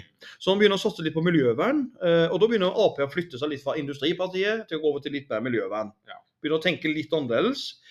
Og ehm, ja, hva skal vi si her? Eh, Jeg tror Bratteli han, han sleit jo veldig fordi at i 74 så kommer den oljekrisa Mm. fra Midtøsten. Ja. Når araberstatene femdobla altså, araberstatene femdobla jo, eller persiske gulfen nå, femdobla jo prisen på olje og gass og bensin. Mm. Og da kom jo rasjonering på biler, og det ble bilkø, og kongen måtte ta trikken. Å nei, å nei. Ja, Stakkars. ja stakkars mann. Mm. Og det ender jo til slutt at i 74 så Bratteli begynner å bli Han, han var sjuk. Ja. Og det som skjer, er at han går av i 74 som statsminister. Han er, han er gammel her, og han eh, sliter med nettopp det som skjedde i konsentrasjonsleir. Han, ting går tregere med han. Og det blir en veldig persondiskusjon om maktkamp i partiet. Og da får du jo den eh, den her kampen mellom to personer særlig. Mm. To, hvem skal lede partiet nå? Er det Er det Reiulf Steen, mm. eller er det Oddvar Nordli? Nettopp. Og da må du velge mellom to Skal vi si Reiulf Steen hadde jo problemer med Drikkinga si. Yes. Mm. Reiulf Steen var jo en intellektuell eh, type. Eh, skrev masse bøker. Jeg har lest noen av de. Eh, eh, han eh, kan vi si litt langt til venstre politisk. Gikk og røykte den pipa si og sånn. Og, mens Oddvar Nordli, som ble statsminister, han, han, han er jo en mer sånn sentrumsarbeiderpartitype. Sånn en uh, folkelig bondetype. Mm. Han var jo en egentlig bonde. Altså egentlig fra Stange. Uh, så to litt ulike typer der. Men det det ender opp med, er at uh, Einar Gerhardsen får til, for å unngå splid i Arbeiderpartiet, så var jo Einar Gerhardsen til et kompromiss. Mm. Da blir det følgende. Uh, Reiulf Steen blir partileder, eller partiformann, Mm. mens Oddvar Nordli blir statsminister. Ja. Så det er kompromiss mellom de to maktkampene. Og i bakgrunnen der så lurer jo Gro. Ja. Mm. Når ingen av de to kommer til å fungere helt, så kommer Gro til å ja, Men her ser vi jo, hva skal man si, geniet Einar Gerhardsen på jobben igjen. i høyeste grad. Sitter jo nesten på dødssenga på det tidspunktet. Er jo Ja. svært gammel og Ja. Nesten litt nedbrutt, men klarer jo fortsatt å trekke Ja. frem. Men det kan jo være litt den makten jeg likte å delegere. Jeg tror han elska sånn, det. Jeg tror han elska Mm. det der å få lov til å gå inn og bestemme på slutt. Komme inn som the grand old man. Ja, Det å vite at du er såpass gammel, men fortsatt holder et takfeste innad i partiet, det Mm. må vel være litt. Men uh, Ja. det er jo spennende, for Reiulf hadde jo da veldig, veldig veldig sterk støtte fra LO. Mm. Uh, De var jo uh, Det er jo mange som ikke vet det, men LO er jo en stor del av Arbeiderpartiet. Det er det. Det er det. Og de har veldig mye vakt. Mm. Eh, Men de er jo også ganske mye lengre til venstre Mm. sånn rent sett arbeidspolitisk. Og de, jeg tror nok at LO likte godt Reiulf Steen, men en, Mm. en utfordring med, med Reiulf Steen og LO, det var jo det at LO den gangen hadde en eh, leder som eh, var avholdsmann. Ja. Og rent personlig så sleit han veldig med Reiulf Steen, for Reiulf Steen var altfor glad i å drikke. Ja. Men det var jo Oddvar Nordli òg. Altså Arbeiderpartiet, altså, ja. det var mye fester. Mm. Og, men det er jo ikke bare i Arbeiderpartiet. Det finnes jo, altså Bortsett fra KrF, så tror jeg alkoholen har flytt fritt i mange partier. Ja, ja, ja. Bare se ma- makta, folkens, på NRK. Der eh, drikker de og røyker de inne på De eh, Men jeg synes hvert fall, det, det siste jeg vil avrunde litt med han uh, Bratteli, som jeg synes er Mm. interessant med Bratteli. Han hadde opplevd mye tragedier i livet med konsentrasjonsleir og sykdom og sånn. og sånn. Så, så siterte han Terje Vigen, denne lesehesten. Mm. For han mente at folk, politikere skulle gå rundt og sutre og synes synd på seg sjøl. Så sa han det at han, han, han så sa han som Terje Vigen Han sturet en dag, ja det kan hende to, men så rystet han sorgen av seg. Ja. Så du skal gå videre. Mm. eh, og forsøke da å være lojal mot folk. Og Bratteli er spennende politiker, for han snakka veldig sjelden om meg. Ja. Han snakka alltid om partiet. Det Mm. var ikke jeg, Trygve Bratteli, men han snakka om partiet. Jeg mener Bratteli er veldig folkets tjener. Og som finansminister var han smart, for det han gjorde som finansminister Jeg ser Vedum har prøvd det litt i dag òg, Mm. eh, med vekslende hell. Men det som finansminister forsøke å reise litt rundt og forklare folk hvorfor du gjør det du gjør. Ja. Eh, at du møter folk. Men noen folketaler, det var han jo aldri. Nei. Og jeg tenker jo det at Einar Gerhardsen, Men egentlig så var jo Einar Gerhardsen stemmesankeren. Ja. Og Trygve Bratteli tok de tunge praktiske løfta i politikken. Mm. Så de to var jo helt avhengig av hverandre. Ja, god kombinasjon. Eh, Men eh, siste ting jeg vil si, er at eh, nå merker vi jo at lojalitet blir lønnet.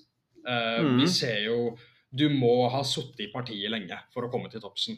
Ja. Du, det er ikke sånn som det var utover 1800-tallet, hvor de valgte en Mm. tilfeldig en, eh, og de tvingte noen inn i regjeringa. Ja. Eh, Nå må du ha sittet i partiet utallige år. Du må ha masse forskjellige verv for å kunne bare lufte seg opp til eh, topposisjonen. Man kan jo nesten si det er litt negativt, for da må du nesten være inne sammen med Du må ha like meninger til styret, styret hele tida. Du Ja. må være lik hele tida for at du skal rekke det opp. Er ikke det litt farlig for demokratiet? Jeg syns det er et kjempepoeng det du har der.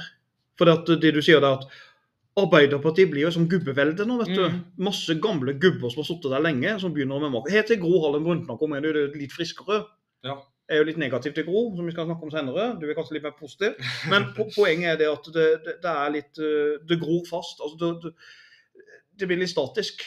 Mm. Litt sånn som i dag blir det jo statisk på en annen måte. At du får litt for mye sånne høyt utdanna intellektuelle i Arbeiderpartiet. Mm. Vi snakker mye om Ap i dag, for det er jo de som har mye makt der. Så Mm. Da er det bare å gi terningkast, da. skal vi gi terningen Mm. med begrunnelse. Terningen på Bratteli er litt vanskelig å sette på, men, men jeg må nå si at jeg havner på han er, jo, han er jo de krisene. Det er det Mm. som er så dumt. Han er EF-krisa, og så er han i bensinkrisa. Men jeg tror jeg er villig til å sette en fem minus på Trygve Bratteli. Ja. Det er vanskelig å ikke gjøre, for Bratteli var jo landsfaderen altså For å begrunne det, da. Jeg tenker han er, han er jo fem minus. Han er landsfaderens Einar Gerhardsens venstre hånd. Venstre hånd, bokstavelig talt. Eh, gjennom 20 år. Og så er han statsminister to vanskelige perioder. Og så er han jo faktisk en av de få som kan bli kalt genial i norsk politikk når det gjelder å tenke. Han var en tenker, selv om han var en praktisk bygningsarbeider av bakgrunn. Mm. Uh, Han styrte jo en vanskelig tid, men man kommer Ja, ja, godt ut av det og opprettholder velferdsstaten. Han senker jo aldersgrensen i folketrygden. Før måtte du jobbe til du var 70, nå må du jobbe til du er 67. Mm. Uh, Og han får jo til lov om uh, bedriftsforsamlinger og styrker arbeidsmiljøloven. Arbeidsmiljøloven er jo meget viktig. Og så oppretter han Miljøverndepartementet i 1972. Mm. Og det er jo Gro som leder, som vi sa, etter hvert. Eller som kommer inn som minister der. I direktoratet, i hvert fall. Og så er det jo noe olje- og gassnasjon begynner her, med Ekofiskefeltet og finansiering. Oljefondet begynner å komme på plass. ikke sant? Mm. Så man begynner å bygge enda sterkere velferd. Så jeg, jeg tenker fem minus innafor på han. Ja. Mm. Eh, Jeg tror vi skal være glad i den krisa er Trygve Bratteli som var der, og ikke, ikke noen andre, Ja. for å si det sånn. Mm. Jo, det er jo det. Men eh, da er vi jo fort over på neste person. Noen som jeg faktisk ikke har hørt om eh, før vi gjorde oss klare til denne podkasten her, og det er eh, Lars Korvald. Lars Korvald, hvem er det? Ja, hvem er det? Det var akkurat det. Lars Korvald, ja. Jeg tenker han ble statsminister. For han er jo statsminister når Bratteli må gå av i 72-73 pga. EF-saken Mm. i første periode. Lars Korvald var jo fra KrF. Han er KrF, ja. Så det blir jo sånn en inspirasjon fra Bondevik som kanskje man Mm. kommer til senere her, hvis vi rekker. Men eh, så hadde ikke Bratteli stilt det kabinettspørsmålet i- ved folkeavstemninga i 72, så er det veldig tro lite trolig at eh, noen hadde hørt om Bratteli. Ja. En kjedelig sentrumspolitiker fra KrF som ble statsminister. Mm. En litt sånn uh, saklig og grå, omstendig, grunn, men grundig mann, da, Ja. han beskrevet som. Og han, uh, han leder en veldig svak regjering. Mm. Den regjeringa, det var 150 på Stortinget. Vet du hvor mange mandater de hadde? Ja, svært få. Det er jo ikke vanlig for et eh, styringsparti å ha 38 mandater, Nei, si det sånn. De var jo ekstremt mindretallsregjering. Mm. Altså, du har 38 av 150, så det var en svak regjering. Det var, de satt jo på lånt tid. Eh, Så det kunne ikke gå så veldig lenge, dette her. Korvald ellers så kan vi bare si det at han var jo agronom av yrke. Eh, Og så var han jo, jobba på mye sånne kristne jordbruksskoler og sånn, tror jeg. Jeg husker ikke alle de navnene hvor han jobba hen, men, men han var jo også rektor på en kristen skole. Ja. Så dette er jo litt sånn Kjell Magne Bondeviks eh, læremester, om du vil, Mm. som blir en større statsminister. Ja.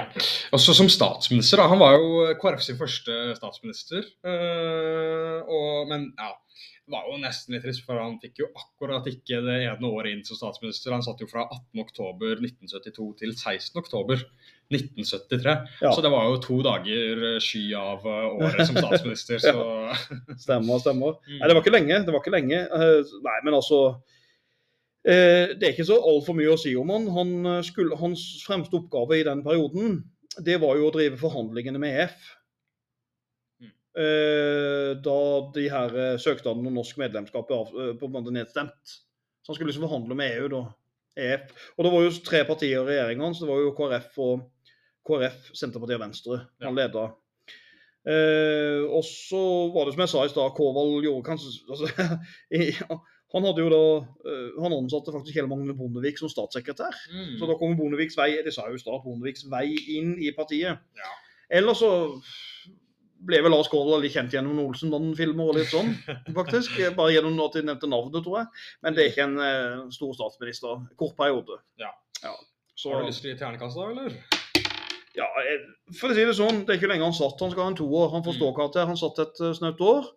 Leda en regjering på svakt grunnlag med 38 på 150 mandater og får gjort svært lite. Så jeg syns han skal få ståkarakter to, Ja. ikke noe mer. Nei. Han gjorde ikke noe, ikke noe fyrverkeri. Mm. Og da er vi jo eh, rett og slett også på Arbeiderpartiet atter en gang. Mhm. eh, over på Oddvar Nordli. Ja. Oddvar Nordli, ja. Spesiell mann. Ehm, han var jo beregnet til å være den siste arbeider i Arbeiderpartiet. Mm. The last man standing. Altså det, det er den siste med arbeiderklassebakgrunn Mm. som har vært statsminister i Arbeiderpartiet. Mannen Ja. grasrota. Det er grasrotmann, det òg. Mm. Og han er jo sånn sett på linje med Ny, skal du sammenligne, så er han veldig på linje med gjengen Nygaardsvold, Gerhardsen, Bratteli og Torp. Ja. At dette er en mann med folkelig bakgrunn. Eh, og så hadde han jo en um, Jeg vil bare lese litt, for jeg hentet et utdrag fra en tale han hadde i 1974. Jeg skal bare lese den raskt her. Han, han sier i talen i 1974, Oddvar Nordli Arbeiderpartiet må stå klart frem som de svakeste og underprivilegertes parti. Eh, Det er viktig med solidaritet, samhold og samspill. Mennesker får trygghet og utfoldelse. Og politikken må eh, bringe i stand at alle mennesker har likeverd som vårt ledemotiv. Og vi må kompromissløst bygge vår politikk på menneskets frihet, jeg understreker frihet, Mm. eh, forståelse for samfunnsansvar i fellesskap, understreker fellesskap, og med grunnlag på reell rettssikkerhet. Her sa jo Nordvar Nordli veldig mye av hans sosialdemokratiske tanker som statsminister. For det, her er han litt nyskapende. For han, han blir litt sånn som Jens Stoltenberg i sin tid. Altså, Mm. fordi at Han nevner både to verdier som kan sprike. På den ene sida frihet, og på den andre sida likhet. Ja. Arbeiderpartiet skal være et parti både for frihet, altså muligheter til å tjene penger, muligheter til å gjøre seg rik, muligheter til sosial mobilitet, men man skal også respektere likhet og sjanselikhet. Mm. Så han, så han begynner å kombinere, og er det en som snakker mye om frihet og likhet, så er det Jens Stoltenberg. Ja. Så dette her synes jeg var litt Jens Stoltenbergsk Ja. før Stoltenberg, den talen. Mm. Eller Jens Stoltenberg pleide ofte å si vi skal skape og vi skal dele. Ja. Skape og dele ressurser, sa Jens Stoltenberg. Han er jo eh, Ja, Nordli er jo den første statsministeren som faktisk virkelig begynner å kjenne på at oljeinntektene kommer, da. Ja. Eh, altså, Bratteli fikk det jo, Mm. men han her, her begynner å bygge opp, og her kommer fondet. Mm. Nå begynner virkelig, altså, Han er jo altså, fra 76 til 81, og da, da begynner han jo altså, virkelig å bli en oljenasjon som får oljeinntekter på statsbudsjettet. Og det gir jo masse muligheter til å bygge velferd. Mm. som uh, man ikke har tenkt på før. Denne, som, han kom jo egentlig fra han, uh, Nordli er sånn dokumentarfilm om Nordli. Mm. Og da forteller han i dokumentarfilmen om der han vokste opp. eh, Tangen i Hedmark, tror jeg det var. I de harde 30-åra. Var det et veldig sterkt Mm. klassedelt samfunn. Det var så sterkt klassedelt at de hadde to fotballbaner, to skibakker og to forsamlingshus i bygda. Sant, ja. Og da skulle du gå, hvis du var arbeiderklasse, gikk du der, og var du på en måte øvre middelklasse, så gikk du der. Så det var klasse, samfunnet var, Og det var jo dette han var motstander av. Og han ville jo bygge vekk de der eh, sosiale skillene i et samfunn. Det var det han var veldig, veldig opptatt av. Ja, han virkelig merka det, for å si det sånn. Mm. Eh, Men altså, det er jo en eh, Hva skal man si? Playmaker Gerhardsen er jo også i bildet her. Mm. Kommer seg ikke helt unna den gamle mannen ennå. Nei, for Gerhardsen var veldig glad i Oddvar Nordli, Mm. sier de. Uh, altså, jeg hørte på en ting, jeg vet ikke om det er riktig, da, men Gerhardsen kalte jo Nordli for hans, eh, hans sølvgutt. Ja. Han, han var veldig glad i uh, typen. Det var nok hans Mm. type politiker, hans type menneske kanskje. Men andre var jo negative, og så syntes de at de brukte uttrykket at han var en kanin. Ja. En som hoppa bare rundt Gerhardsen, da. Uh, men igjen, Nordli var jo veldig folkelig. Veldig folkelig type. Han tok gjerne en pils, for å si det sånn. og, og Nordli var jo veldig morsom, særlig en ting jeg så han besøkte Kina. For Kina, og Norge ble åpna til Kina etter hvert. Og når han besøkte Kina, så fikk han drikke sånn risbrennevin. Ja. Det er liksom sånn en liten filmopptak av det. Og så har han veldig dype rynker i panna, Oddvar Nordli. Og så når han drakk den ris, så, så sier han eh, Når han smakte på det risbrennevinet, så sier han sånn på dialekten sin Nei, denne var de ikke heldige med. Denne var de ikke heldige med deg. Litt sånn. Han var jo litt sånn eh, Var ikke så god. Nei, det var, det var ikke så god. Men uh, ja. Ja, nei, altså, de er jo uh, Han må jo rydde opp i Arbeiderpartiet etter krisen med EF-avstemninga. Altså, det jo Den EF-saken har virkelig tatt uh, tollen i uh, norsk politikk, for å si det sånn. Mm, særlig for Ap. Mm. Så, så han, han fikk jo mange vanskelige saker, uh, over Nordli.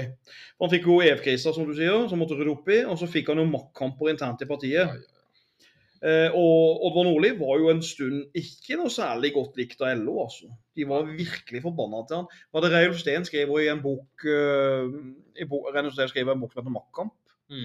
Og det forteller jo Reiulf Steen i den boka at han kan ikke huske at en statsminister ble møtt av så fiendtlige holdninger av en fagforening som når, når han Nordli skulle tale til landsmøtet i Norsk Kjemisk Industriarbeiderforbund på Mm. 80-tallet.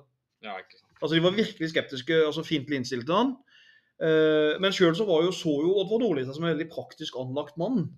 Mm. En, en, han likte veldig dårlige akademikere inne i partiet. Ja. Sånn som nettopp han begynte å kjempe mot Gro Harlem Brundtland. Ja. Og Der kommer det gubbeveldet. For eh, Oddvar Nordli forsøkte å stoppe Gro sin makt. Og plasserte henne på Stortinget, faktisk. Hun skulle egentlig inn i en ministerpost, tror jeg. Jeg husker ikke hvilken. Men så fikk uh, Oddvar Nordli så sier Oddvar Nordli nei, men du har for lite erfaring på Stortinget. Du må Ja. komme ned på Stortinget og jobbe i en komité der. Mm. Men det han da gjorde, uten å vite om det, er at han forberedte jo Gro Harlem Brundtland på en statsministerskole. Mm. For da fikk hun erfaring både erfaring i regjering og erfaring fra Stortinget. Og da er det det du snakker om. Da har du vært i gamet, og da var du klar til statsminister.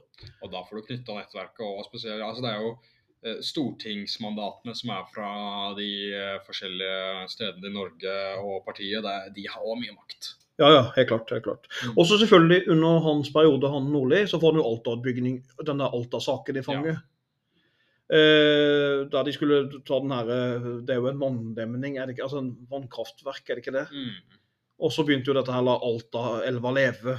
Det er skjønt, altså. Det hører man overalt. Ja, altså... det, det hører man til og med nå, eh, videre når det er snakk om samme samesaker hvor Ja. um, det er litt urettferdighet, så er det, det er slagordet. Fosen-saken, f.eks., Mm. nå med reindrift. Og, og så var det jo det, de sultestreika jo, og de var faktisk dynamitt involvert òg i den. De sprengte sprengte jo sivil ulydighet. Ble nesten litt Einar Gerhardsen med dynamitten. Ja, nesten, ja, men her ble det praktisert. Ja. Men eh, Høyesterett slo jo til slutt fast at Alta-utbyggingen var lovlig i 1982, og da Ja. var saken ferdig, kan du si. Mm. Så mot urbefolkningens ønsker, om du kan kalle det urbefolkning, da, det er jo en debatt. Så har du selvfølgelig dette eh, Nato ble jo et spetakkel under han um, Nordli, fordi at eh, Mm. Nato eh, økte jo antallet stridshoder i Europa og ville plassere ut mer stridshoder i Norge. Og Mm. det ble et spetakkel, for i Arbeiderpartiet så er det en del som er skeptisk til Nato. Ja. Den gangen var det det. Mm. Og så har du den berømte avtalen med Sverige. Volvo-avtalen. Nettopp. Den er synd. Ikke vi skulle bytte Vi er jo glade for at vi ikke gikk inn i den, da. Er vi det? Hadde det vært spennende? Ja, Det hadde jo vært spennende, men uh, hadde vi mm. vært uh, på samme lag som barn i Kambodsja da, eller? uh? Tenker du nå? Nei, nei, med tanke på velstand. Altså, det er jo, alle elsker jo oljefondet her nå. Det er jo vår sikkerhet i framtida, Ja, ja. tenker jeg, da. Men uh, ja, så, ja, nei, for jeg ser for meg Poenget her var jo Sverige er god på industri, mm, med Volvo og bla, bla, bla. Og så Norge har jo olje. Så de skulle liksom kombinere det beste fra to land. mm, Og da hadde jo han planlagt en firefelt motorvei fra Ikke han, da, men regjeringa. Altså de firefelt motorvei fra Oslo til Göteborg. mm, Og eh, en rekke samarbeid med svenskene, men de gikk jo til helsike fordi at eh, Volvo er jo eid av masse småaksjonærer. Ja. Og de sa nei. Ja. Ellers hadde kanskje det her gått, altså. Jeg jo, men jeg er jo nesten litt glad, for det hadde jo måttet gått med konsesjoner fra oljen i Norge òg, som måtte gått til uh, mest sannsynlig private aktører, da. Eller andre land. Ja, Det er vanskelig å si. Jeg, jeg, jeg, jeg tenker for min del sånn generelt så skulle jeg gjerne ønska mer samarbeid med Sverige, men jeg Ja, er ja. veldig svenskvennlig, så ikke, ikke hør på meg. Det er jo greit å komme seg til Sverige og kjøpe litt eh, billigere mat inniblant òg, da. Mhm. Da hadde du ikke fått den muligheten. Da hadde vi kanskje likere prisnivå. Ja, ja, ja. Hele harryhandelen hadde dødd bort. Så lager jo noen også et poeng med at vi måtte holde litt mer distanse fra Sverige. Unionsoppløsninga skjedde 100 år siden. Ja. Nå vil vi ikke inn igjen, vi vil ikke bli integrert. Det er helt riktig. Den bakgrunnen der spiller en stor rolle, tror jeg. Mm. Det òg, absolutt. Jo da. Men ellers vil jeg si Nordli har jo ganske stor suksess med at han kjører full altså veldig lav arbeidsledighet. Mm. Mye sys bra sysselsetting. Eh, han får veldig miljø og natur på dagsorden, selv om Alta-saken er omstridt. Og så kommer en innføring av ytterligere styrking av arbeidsmiljøloven. Mye boligbygging kommer nå, og så oppretter man Ja. Statoil. Mm. Altså Boligbygging og Statoil, det, det er viktig, for Statoil komme inn der som et selskap som skal sikre at statens oljeinntekter skal gå til folket. Ja. Ikke som i Saudi-Arabia, der det er masse gærninger som kjøper Mercedeser. Mm. 20 Mercedeser setter i garasjen. Monarkene eier alt. Ja, egentlig. Jo, jo, jo. Ja, Odd han var jo Hva skal man si Fikk jo til mye. eh, Men eh, hadde jo også noen plager. Ja, han hadde det. Han måtte jo egentlig gå av som statsminister, for han slet med hodepine. Mm. Og så hadde han øyesykdom. Jeg vet ikke detaljer om det. Men han, han, han- hadde enormt dunkende hodepine. Det kommer fram i den serien Makta veldig mye.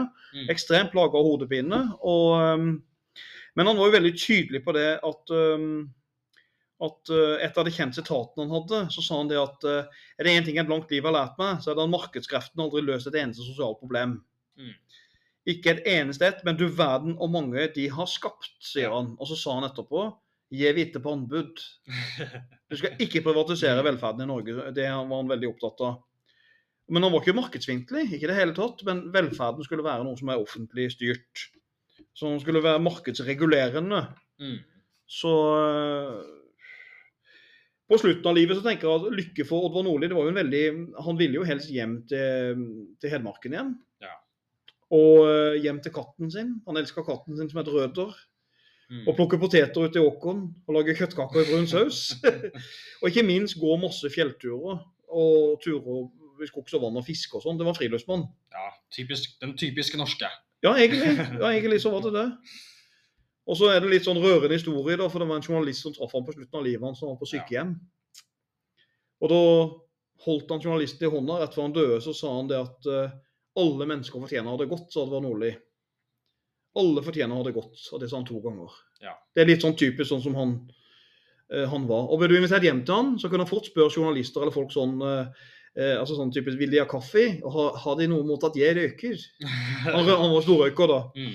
Og eh, Ja da. Men jeg synes den der, eh, jeg vil avslutte med sitatet han har, for dette er en person som jeg må si er veldig glad i politisk. Mm. For Han sier det at uh, du skal alltid som politiker og Dette er visdomsord Mm. som egentlig flere burde hørt på når gjelder Oddvar Nordli. For at han sier det at som politiker så, når du skal, du skal prioritere. Og hva er det du skal prioritere? Du skal aldri glemme hvor du kommer fra. Og så sier han videre at de med sterkest rygg skal alltid bære den tyngste børa i et samfunn. De som tjener mest, betaler litt mer skatt. Mm. De som er sterke, skal kunne hjelpe de svake. Og du skal ikke glemme de nederst ved bordet. Mm. Dette er jo en uh, mann med sin bakgrunn som snakker. og han er igjen den siste arbeideren i Arbeiderpartiet. Mm. Eh, Mannen fra gressrota. rett og slett. Mm. Ja, det er det. Og da er vi jo på terningkastet Ja. på Mr. Nordli. Terningkast på Nordli det er eh, kanskje en litt undervurdert statsminister, som vi snakka litt om. Eh, han skal ha en firer. Ja. Eh, en sterk firer, kanskje. Eh, jeg tenker En av de største triumfene Oddvar Nordli hadde, det var jo stortingsvalget i 77. Mm. For da kom Arbeiderpartiet oppe på over 42 prosentpoeng. Og fordi det lå nede med brukket Rygg på 35, Mm. og så tar Oddvar Nordli opp på 40, 40, 42 prosentpoeng. Eh, og det er høyere enn noen etterfølgere har klart å makte å ta partiet opp. Ikke har vært, ingen har vært så høye som, som og, uh, ikke Tom Nordli, det er en fotballtrener, men Oddvar Nordli. Så det er ikke gærent. Så eh, en sterk firer vil jeg sette på den godeste Oddvar, uh, Oddvar Nordli. Ja. Mm. Og da kommer vi til min kjære, men kanskje ikke din kjære, Gro Harlem Brundtland. Ja, Gro Harlem, ja. ja. For det er jo uh, siste på lista vår, det. Ja, ja. Fru Brundtland. Ja, Var det ikke det Kåre Willoch pleide å si? Jo, jo, jo. Da ble jo forbanna. Ja, det var ikke Ja, det hissa oss opp. Ja, ja, ja. Ja, Oddvar Nordli hadde jo ikke lyst til at hun her skulle ta over, men det ble hun. Mm. Han ville jo helst ha en mann. En gammel gubbe. Rolf Hansen. Ja, gubbevelde. Ja, ja, ja. Gro Harlem Brundtland hun ble kalt eh, Landsmoderen, Ja, stemmer.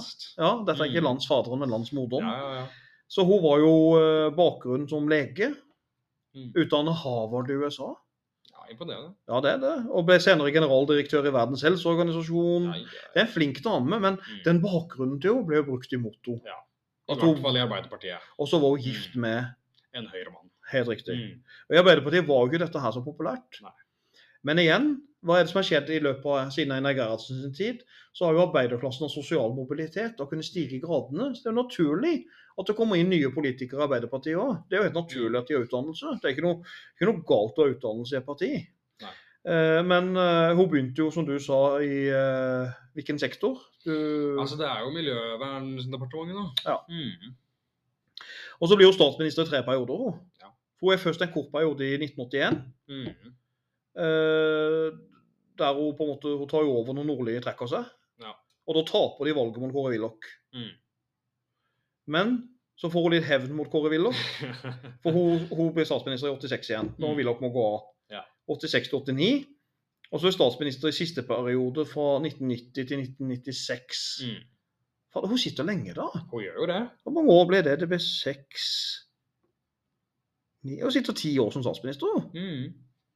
Det er lenge. Ti år som statsminister, ja. Ja, ja. Og spesielt som den første kvinnelige statsministeren, syns jeg det synes jeg Ja. er imponerende. Det er det jo. Det kan du Mm. godt si. Og det var, det var jo et perspektiv hun hadde òg. Hun sa at eh, det blir lettere for neste kvinne å bli statsminister. Nå, fordi at eh, Det var hos trøst hun slet politisk. Hun bana vei for andre kvinner, tenkte hun. Eh, så jeg er den som tar imot drit. og Hun, hun ville jo aldri snakka sånn, men jeg er den som tar imot drit for andre kvinner. Det er Mm. nok sånn hun tenkte. Så blir hun nummer to Erna Solberg. Ja. Da hadde det ikke vært flere enn to. Mm. Men uh, det var litt morsomt det, for jeg hørte hun ga tips til sine uh, ministre når Ja. statsminister, at de skulle ha, damene måtte sikre seg strykefrie klær. ja. Mm. Og de der høye hælene Ja. skoa. Mm. Candy. Ja. Sånn at de var effektive. Mm. Ja, hun var gift med han der høyremannen, da. Ja, Eh, de Jon Arne Hva heter det for? Arne Olav. Arne Olav er det, ja. Ja, ja, Stemmer. ja. nå sier jeg sier det. Mm. Og var jo også Levde jo også da under andre verdenskrig, faktisk. Mm.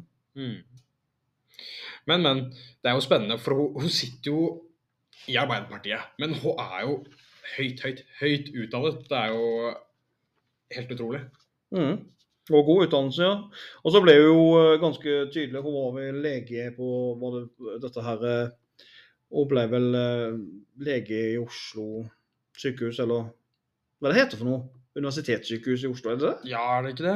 Jeg tror det. Og da holdt hun på med abort som tematikk. Mm. Så hun var veldig opptatt av at kvinner skulle få fritt valg. Så eh, Ja. Men ja, det var, ja, satt hun i den nemnda? Jeg mener Ja. jeg har sett det i eh, makten i hvert fall. At hun satt i Mm. den abortnemnda som jente. det stemmer, hun satt i en abortnemnd, ja. Og det, det kom jo fort frem eh, ståstedet rundt det, altså. Ja. Det gjorde det.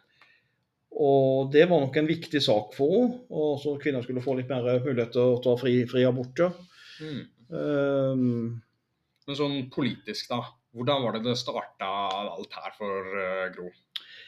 det er jo litt sånn at uh, hun starta jo egentlig som uh, innenfor Miljøverndepartementet. For snakke, jeg tenker litt grunnen til hun gjorde det, det var jo bl.a. at hun snakka sikkert veldig bra engelsk Mm. etter å ha studert i USA. Noe en del av de Ap-folka ikke gjorde. Mange av de kunne dårlig engelsk. eh, Det hører vi i dag òg. Det er noen f.eks. Torbjørn Jøgland, Jens Stoltenberg. De, men de gjør det litt bevisst òg, da. Ja. Eh, for å vise at de er fra ikke USA eller England. Mm. Men eh, jeg tenker hun starter veldig med oppmerksomhet med det hun gjør innenfor Miljøverndepartementet. Hun får vel en sånn, Er det den Bravo-ulykken hun får? Hun får sånn Mm. oljekatastrofeulykke der hun klarer å prate og kommunisere og få stoppa det. Ja. En sånn um, uh, en sånn utblåsning på Bravo-plattformen. Jeg, tror det er 77. Og den er hun liksom med å stoppe. Men hun får jo veldig motstand internt i partiet. Det, det gjør hun jo for uh, Det blir jo den maktkampen med, med Reil Steen som vi var Mm. borte på i stad. Og Oddvar Nordli forsøker å skal vi si, å skvise henne litt. Jeg tror nok hun blir sett på litt mye som sånn flink pike-syndrom. ja. At hun ble sett på som det. Og litt litt eh, altså ak- akademikeren. Mm. Um, Men det, litt tilbake til det med starten av den politiske karrieren. altså Det med miljøvernminister, det, var jo en veldig ny ministerpost på den tida. mm, Uh, så, uh, så tror jeg altså Det med å ha kvinner inn i regjeringa Dette her var jo et steg, for å si det mildt. ja, det er nok. Mm. Ja. Så det var jo Ja. imponerende at uh, Men så er det jo også kanskje kan man også legge et litt slag for at hun fikk resteplasten i uh, regjeringa Mm. eh, som miljøvernsminister, selv om hun kanskje burde vært helseminister Ja. fordi hun har mer eh, kunnskap innenfor det. da. Men- Det tror jeg helt så det er jo kanskje et lite slag. Ja, jeg tenker hun blir sittet som eh, en ministerpost som hun eh, Som kanskje ikke er høyest prioritert, Mm. sånn på den måten. Men uh, det artige er jo at nå i 1981 ble Norges første kvinnelige statsminister. Så er det en litt Mm. eh, fin scene i Arbeiderpartiets landsmøte der. For at eh, hun holder en tale. En ganske bra, inspirerende taleholder. Og så når jeg så den talen, så kan du se en gammel Trygve Bratteli sitte der, og han griner. Ja. Trygve Bratteli tørka en tåre Mm. den gamle sentimentale mannen. Så, eh, men det spesielle er jo selvfølgelig forholdet som vi må snakke om. Vi må snakke om forholdet til Gro Harlem Brundtland til en Mm. bestemt person. Ja. Hvem det var, det Reiulf. Sten. Ja, ja, det. Selvfølgelig. For det at de hadde jo først et godt Reiulf Steen var en slags læremester for Harlem Brundtland i starten, tror jeg. Ja. Lærte henne litt opp og eh, kanskje litt mer. Mm -hmm. Altså dette kan ikke vi Vi kan ikke snakke gris i podkasten, men det har jo vært eh, rykter at de to hadde et forhold. Mm. Eh, noe som har vært veldig omdiskutert. Og Reiulf Steen, rett før han døde, eh, døde så, så sa jo Reiulf Steen til han Hans Olav Lahlum, Mm. i, som skrev biografi om han, at han hadde hatt et uh, seksuelt forhold til Gro Harlem Brundtland. Hun benekter. Mm. Men nå kan det jo godt være at så sier jo Lahlum Han er kildekritisk, Lahlum, så sier han nå kan det være at Reulf Steen vil skryte på seg det her òg. Mm. For at Gro Harlem Brundtland var en stor person. Ja. Men de ble jo veldig uenige etter hvert, de to, da. Mm. ikke sant? Og endte opp i en maktkamp, og den maktkampen vet vi jo Gro vant. Ja. Uh, Reulf Steen ble jo spilt utover sidelinja, som sleit med de drikkeproblemene sine og alt dette her. ja, det var jo ble jo nesten et fritt fall etter det, for Ja. å si det sånn. Det Mm. var uh, total knockout. Det var det, rett og slett. Mm. Ja, det, men det er jo ikke bare innad i partiet hun har opplevd litt konflikter. Som vi sa i stad, så har vi jo en uh, fru Brundtland. ja, ikke sant? Du, du tenker selvfølgelig på debatten med gode gamle Kåre Willoch. Kåre Willoch som krangler med henne. Ja, for det at um, Ap tapte jo valget i 81 mot uh, Høyre og Willoch. Mm. Og Willoch kunne virkelig provosere Brundtland, altså. Mm. Det gjorde han bevisst, tror jeg. Han kalte henne fru. Dette tålte hun ikke. Ja. Han tirra og erta henne og, og, og var jo veldig godt forberedt, uh, Kåre Willoch, i debattene. Eh, så, men hun fikk jo som sagt sin lille hevn i 86, når, hun, mm. fikk press, altså når han måtte gå av som statsminister. Mm. eh, Kåre Willoch. Kan jo se begge sidene av saken. da. Kåre Willoch mente jo Han var jo var ikke akkurat ung på dette tidspunktet, så han mente jo at han var jo oppvokst med dette her. Mm. Å kalle kvinnene for fru. eh, Og skulle Mm. være høflig og skulle passe på. Men eh, Gro mente jo at dette var nesten litt herskemetode, hersketeknikk, Ja. rett og slett. Ja. Nei, hun mente faktisk rett ut at det var hersketeknikk. Ja. Første kvinnelige politikeren i topposisjon blir eh, eh, kalt eh, quote on quote, altså sånn hermetegn, fru og litt sånn nedvergende Jeg- jeg tror-. Jeg tror nok Kåre Willoch eh, Jeg vet det er vanskelig å si det. da. Kan det godt være han mente at det var en høflighetsgreie å si, Mm. men jeg tenker han erta henne litt. Ja, altså. Men det er- vant jo på det på et vis, Mm. eh, og tapte på et annet. Du kan si det sånn. Det er jo det samme som, eh, det er samme som noen, eh, sånn som noen damer kan si til meg på jobb, noen eldre damer. Så kan de si 'Å, lille gutten min'. ja. Jeg er jo en mann på 1,91 og godt over 100 kilo. Er gutten ikke synes, OK. Ikke altså, det er ikke hersketeknikk, men det er en litt spøkefull måte å snakke på. Men i lengda så kan det bli oppfatta av noen som Jeg vil si lille jenta mi'. ja. Det er jo litt sånn, men OK. Det er jo viss, eh, hva skal man si, viss forventning når man sitter eh, der oppe på toppen, at man skal holde seg saklig og holde Mm. seg ordentlig, rett og slett. Ja, slett. og, jeg er helt enig med deg. Helt enig der. Mm. Jo da, men jeg tenker neste med Grålem Brundtland, begrepet som kjennetegnes med henne, det er jo at det er veldig mye fokus på miljøvern med henne. Mm. Når hun er statsminister, så er det litt ut med det gamle industriarbeiderpartiet. Det forsvinner litt mer. Nå Ja. kommer, nå kommer miljøvern og Blekkulf. Mm. Nå er det bærekraftig utvikling som er stikk. Og hun, er jo veldig opptatt av bærekraftig utvikling, som er blitt et øh, skal vi si, slagord i dag. Alt, Ja. handler, alt, alle fag på skolen handler om det. ja, ja. Så hun er jo bærekraftig utviklingsdame. En felles fremtid. Mer grønn energi. Eh, bruke ressurser mer effektivt. Øh, dette her. En verden hvor, hvor barnebarn kan leve. i. Ja, Mm. det er det. Og tenker på fremtiden. Så regjeringa til hun i 1986 den var jo litt unik, for den besto nemlig av Åtte kvinner. Mhm, Imponerende. Ja. Og da kom jo den kvinnekvoten holdt jeg på å si, og i Arbeiderpartiet at du krever et visst antall prosent kvinner. Men Mm. Gro sliter med en ting politisk. Mm. Og det er en ting som er ille i dag. Folk Ja. klager i dag. Ja, rentene, altså. De, Ja. Mm. I dag er renta kanskje jeg vet ikke, en seks nå, kanskje. Ja, utlån- det noe sånt? jo den stadig vekk, holdt jeg på å si. Ja, Men den gangen, under Gro, så er renta på 16% 16 til 17% på, altså Det er 16-17 rente. Utlånsrente. Mm. Og Gro kjørte jo sparepolitikk. Det er ikke typisk Arbeiderpartiet, men hun kjørte sparepolitikk, og det ble veldig upopulært, faktisk. Det må vi ikke glemme.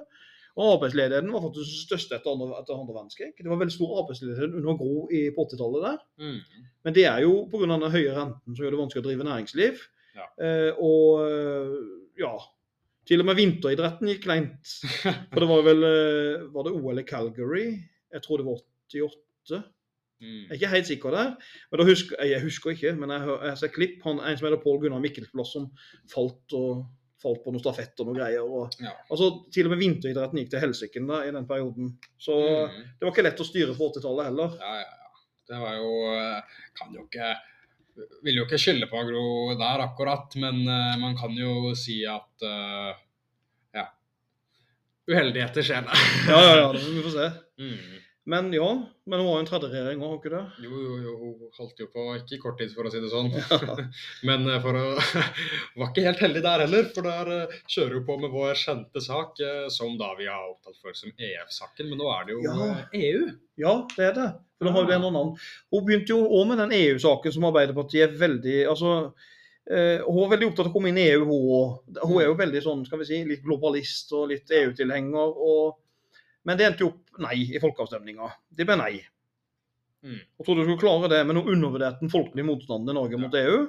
Så det ble helt klart nei. Men man får jo da Norge med i det indre markedet. EØS-avtalen og EØS-avtalen vil jeg si er gullkant avtale. Mm. Det er en god handelsavtale Norge har fått forhandla frem der. Eh, sånn sett. Men eh, det ble nederlag. Men eh, i 1972 så trakk jo Bratteli seg pga. Mm. EF-nederlag. Gro Harlem Brundtland trekker seg ikke. Nei. Fordi at eh, Hvorfor skulle hun gjøre det, sier hun. Og dagen etterpå, det er typisk Gro Brundtland. Ja. Så sier hun til regjeringa si Den gangen var det Martin Kolberg, eh, Martin Kolberg og Jens Stoltenberg som, satt i, som var ministre. Og satt, de satt på og hang med hodet på kontoret. Mm. Og da går hun inn til de og sier hun, hvorfor sitter dere her og sutrer? Hun er veldig direkte da. Ja. Og sitter dere her og sutrer? Det er bare å sette i gang arbeidet. Det må vi å gjøre. Ja.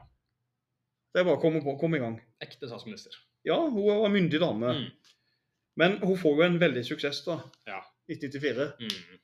Lillehammer. Ja, Ture til Seoul. Det, tenk på det. den tror jeg man ikke kan unngå hvis man er litt samfunnsengasjert, for den har virkelig blitt omtalt. Ja, det, det er kanskje det mest vellykka OL. Og noen gir jo Gro Harlem Brundtland æra for hun gikk og fronta OL i Seoul der og reklamerte for Norge og klarte å nå frem. Mm. Eh, og det var da kommer det det kjente sitatet Det er typisk Norsk å være god. Yes. Der kommer den. Og Norge var gode i 1994. Mm. Herregud, for en tid. Bjørn Dæhlie, Vegard Ulvang.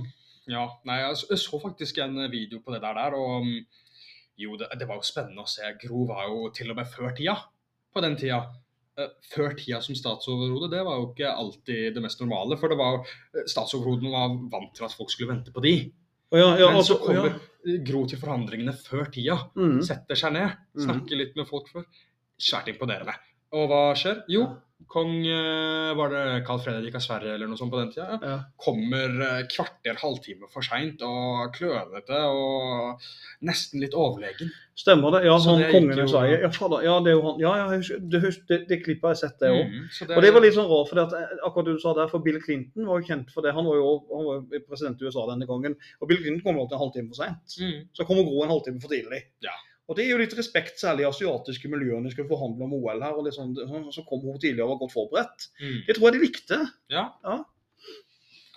Tror jeg òg. Men um, altså, for å si det sånn um, Det er jo også en liten videreføring her. Gro vil jo også ha med en, den yngre garde. Det vil hun. Mm. Hun tar med mye unge politikere inn i, inn i regjeringa. Og en av de er jo f.eks. Jens Stoltenberg. Hun likte veldig godt Jens Stoltenberg, og Torbjørn Jogland er med òg. Mhm. De to som kan bli bitre rivaler. Men hun var veldig morsom med Jens Stoltenberg. da. Hun sa jo en gang til Jens Stoltenberg Jens Stoltenberg lo jo veldig av det sjøl. Eh, Stoltenberg var ikke godt nok forberedt. Mm. Og så fikk han beskjed kom igjen i morgen og fiks det og gjør det bedre. Ja. Enkelt og greit. Dette er ikke godt nok. Nei. Og så sier hun videre til han eh, nå ser du ut som en loff i trynet. en direkte dame, dette her, altså. Men det skjedde jo noe veldig dumt da med sønnen til Gro. Ja, det gjorde det. Hun fikk jo en personlig tragedie Gro Harlem Brundtland var statsminister. For det at sønnen, eh, var det vel Jørgen han het, han begikk jo selvmord. Ja. Mm. Og da var jo Gro Harlem Brundtland veldig åpen om det, og eh, ble sliten. Og så gikk hun litt ut og advarte mot det å arbeide for hardt som politiker, for det kunne gå utover familien. Mm. Eh, så eh, hun kanskje angra litt på Hun sa jo det til du at eh, Og det angra så mye at du ikke alltid hadde hatt god nok tid til barna. Eh, så eh, da trakk hun seg i 1996, og den Mm. som skal ta over da, eh, blir jo da Torbjørn. Jagland, ja, Mm. som tar over. Jagland som sitter og klipper seg hos frisøren, Ja. og plutselig får beskjed du er statsminister. Så ja. Mhm. Ja, nei, men terningkast, da?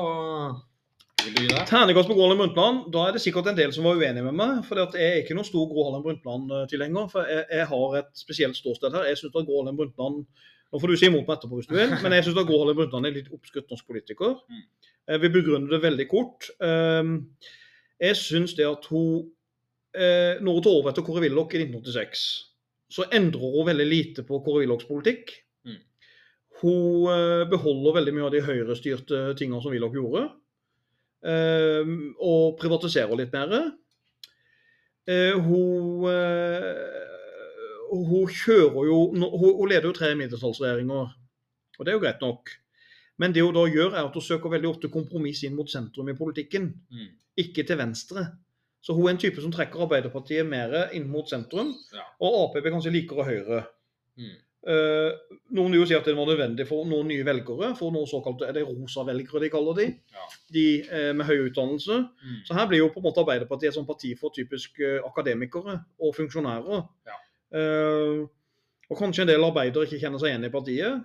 Hun taper den EF-striden, det er et argument jeg har imot henne. Mm.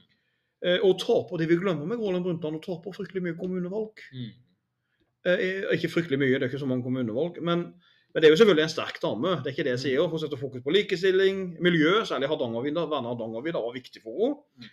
Og øh, veldig opptatt av menneskets frihet. Mm. Veldig opptatt av menneskets frihet. Men spørsmålet jeg stiller, og så opptatt av valgfrihet og dette her, og brukerrettigheter og sånt. men er det slagordet til høyre-venstre, høyre-venstre, eller er det Arbeiderpartiet? Mm. Jeg betviler hvilket parti dama er.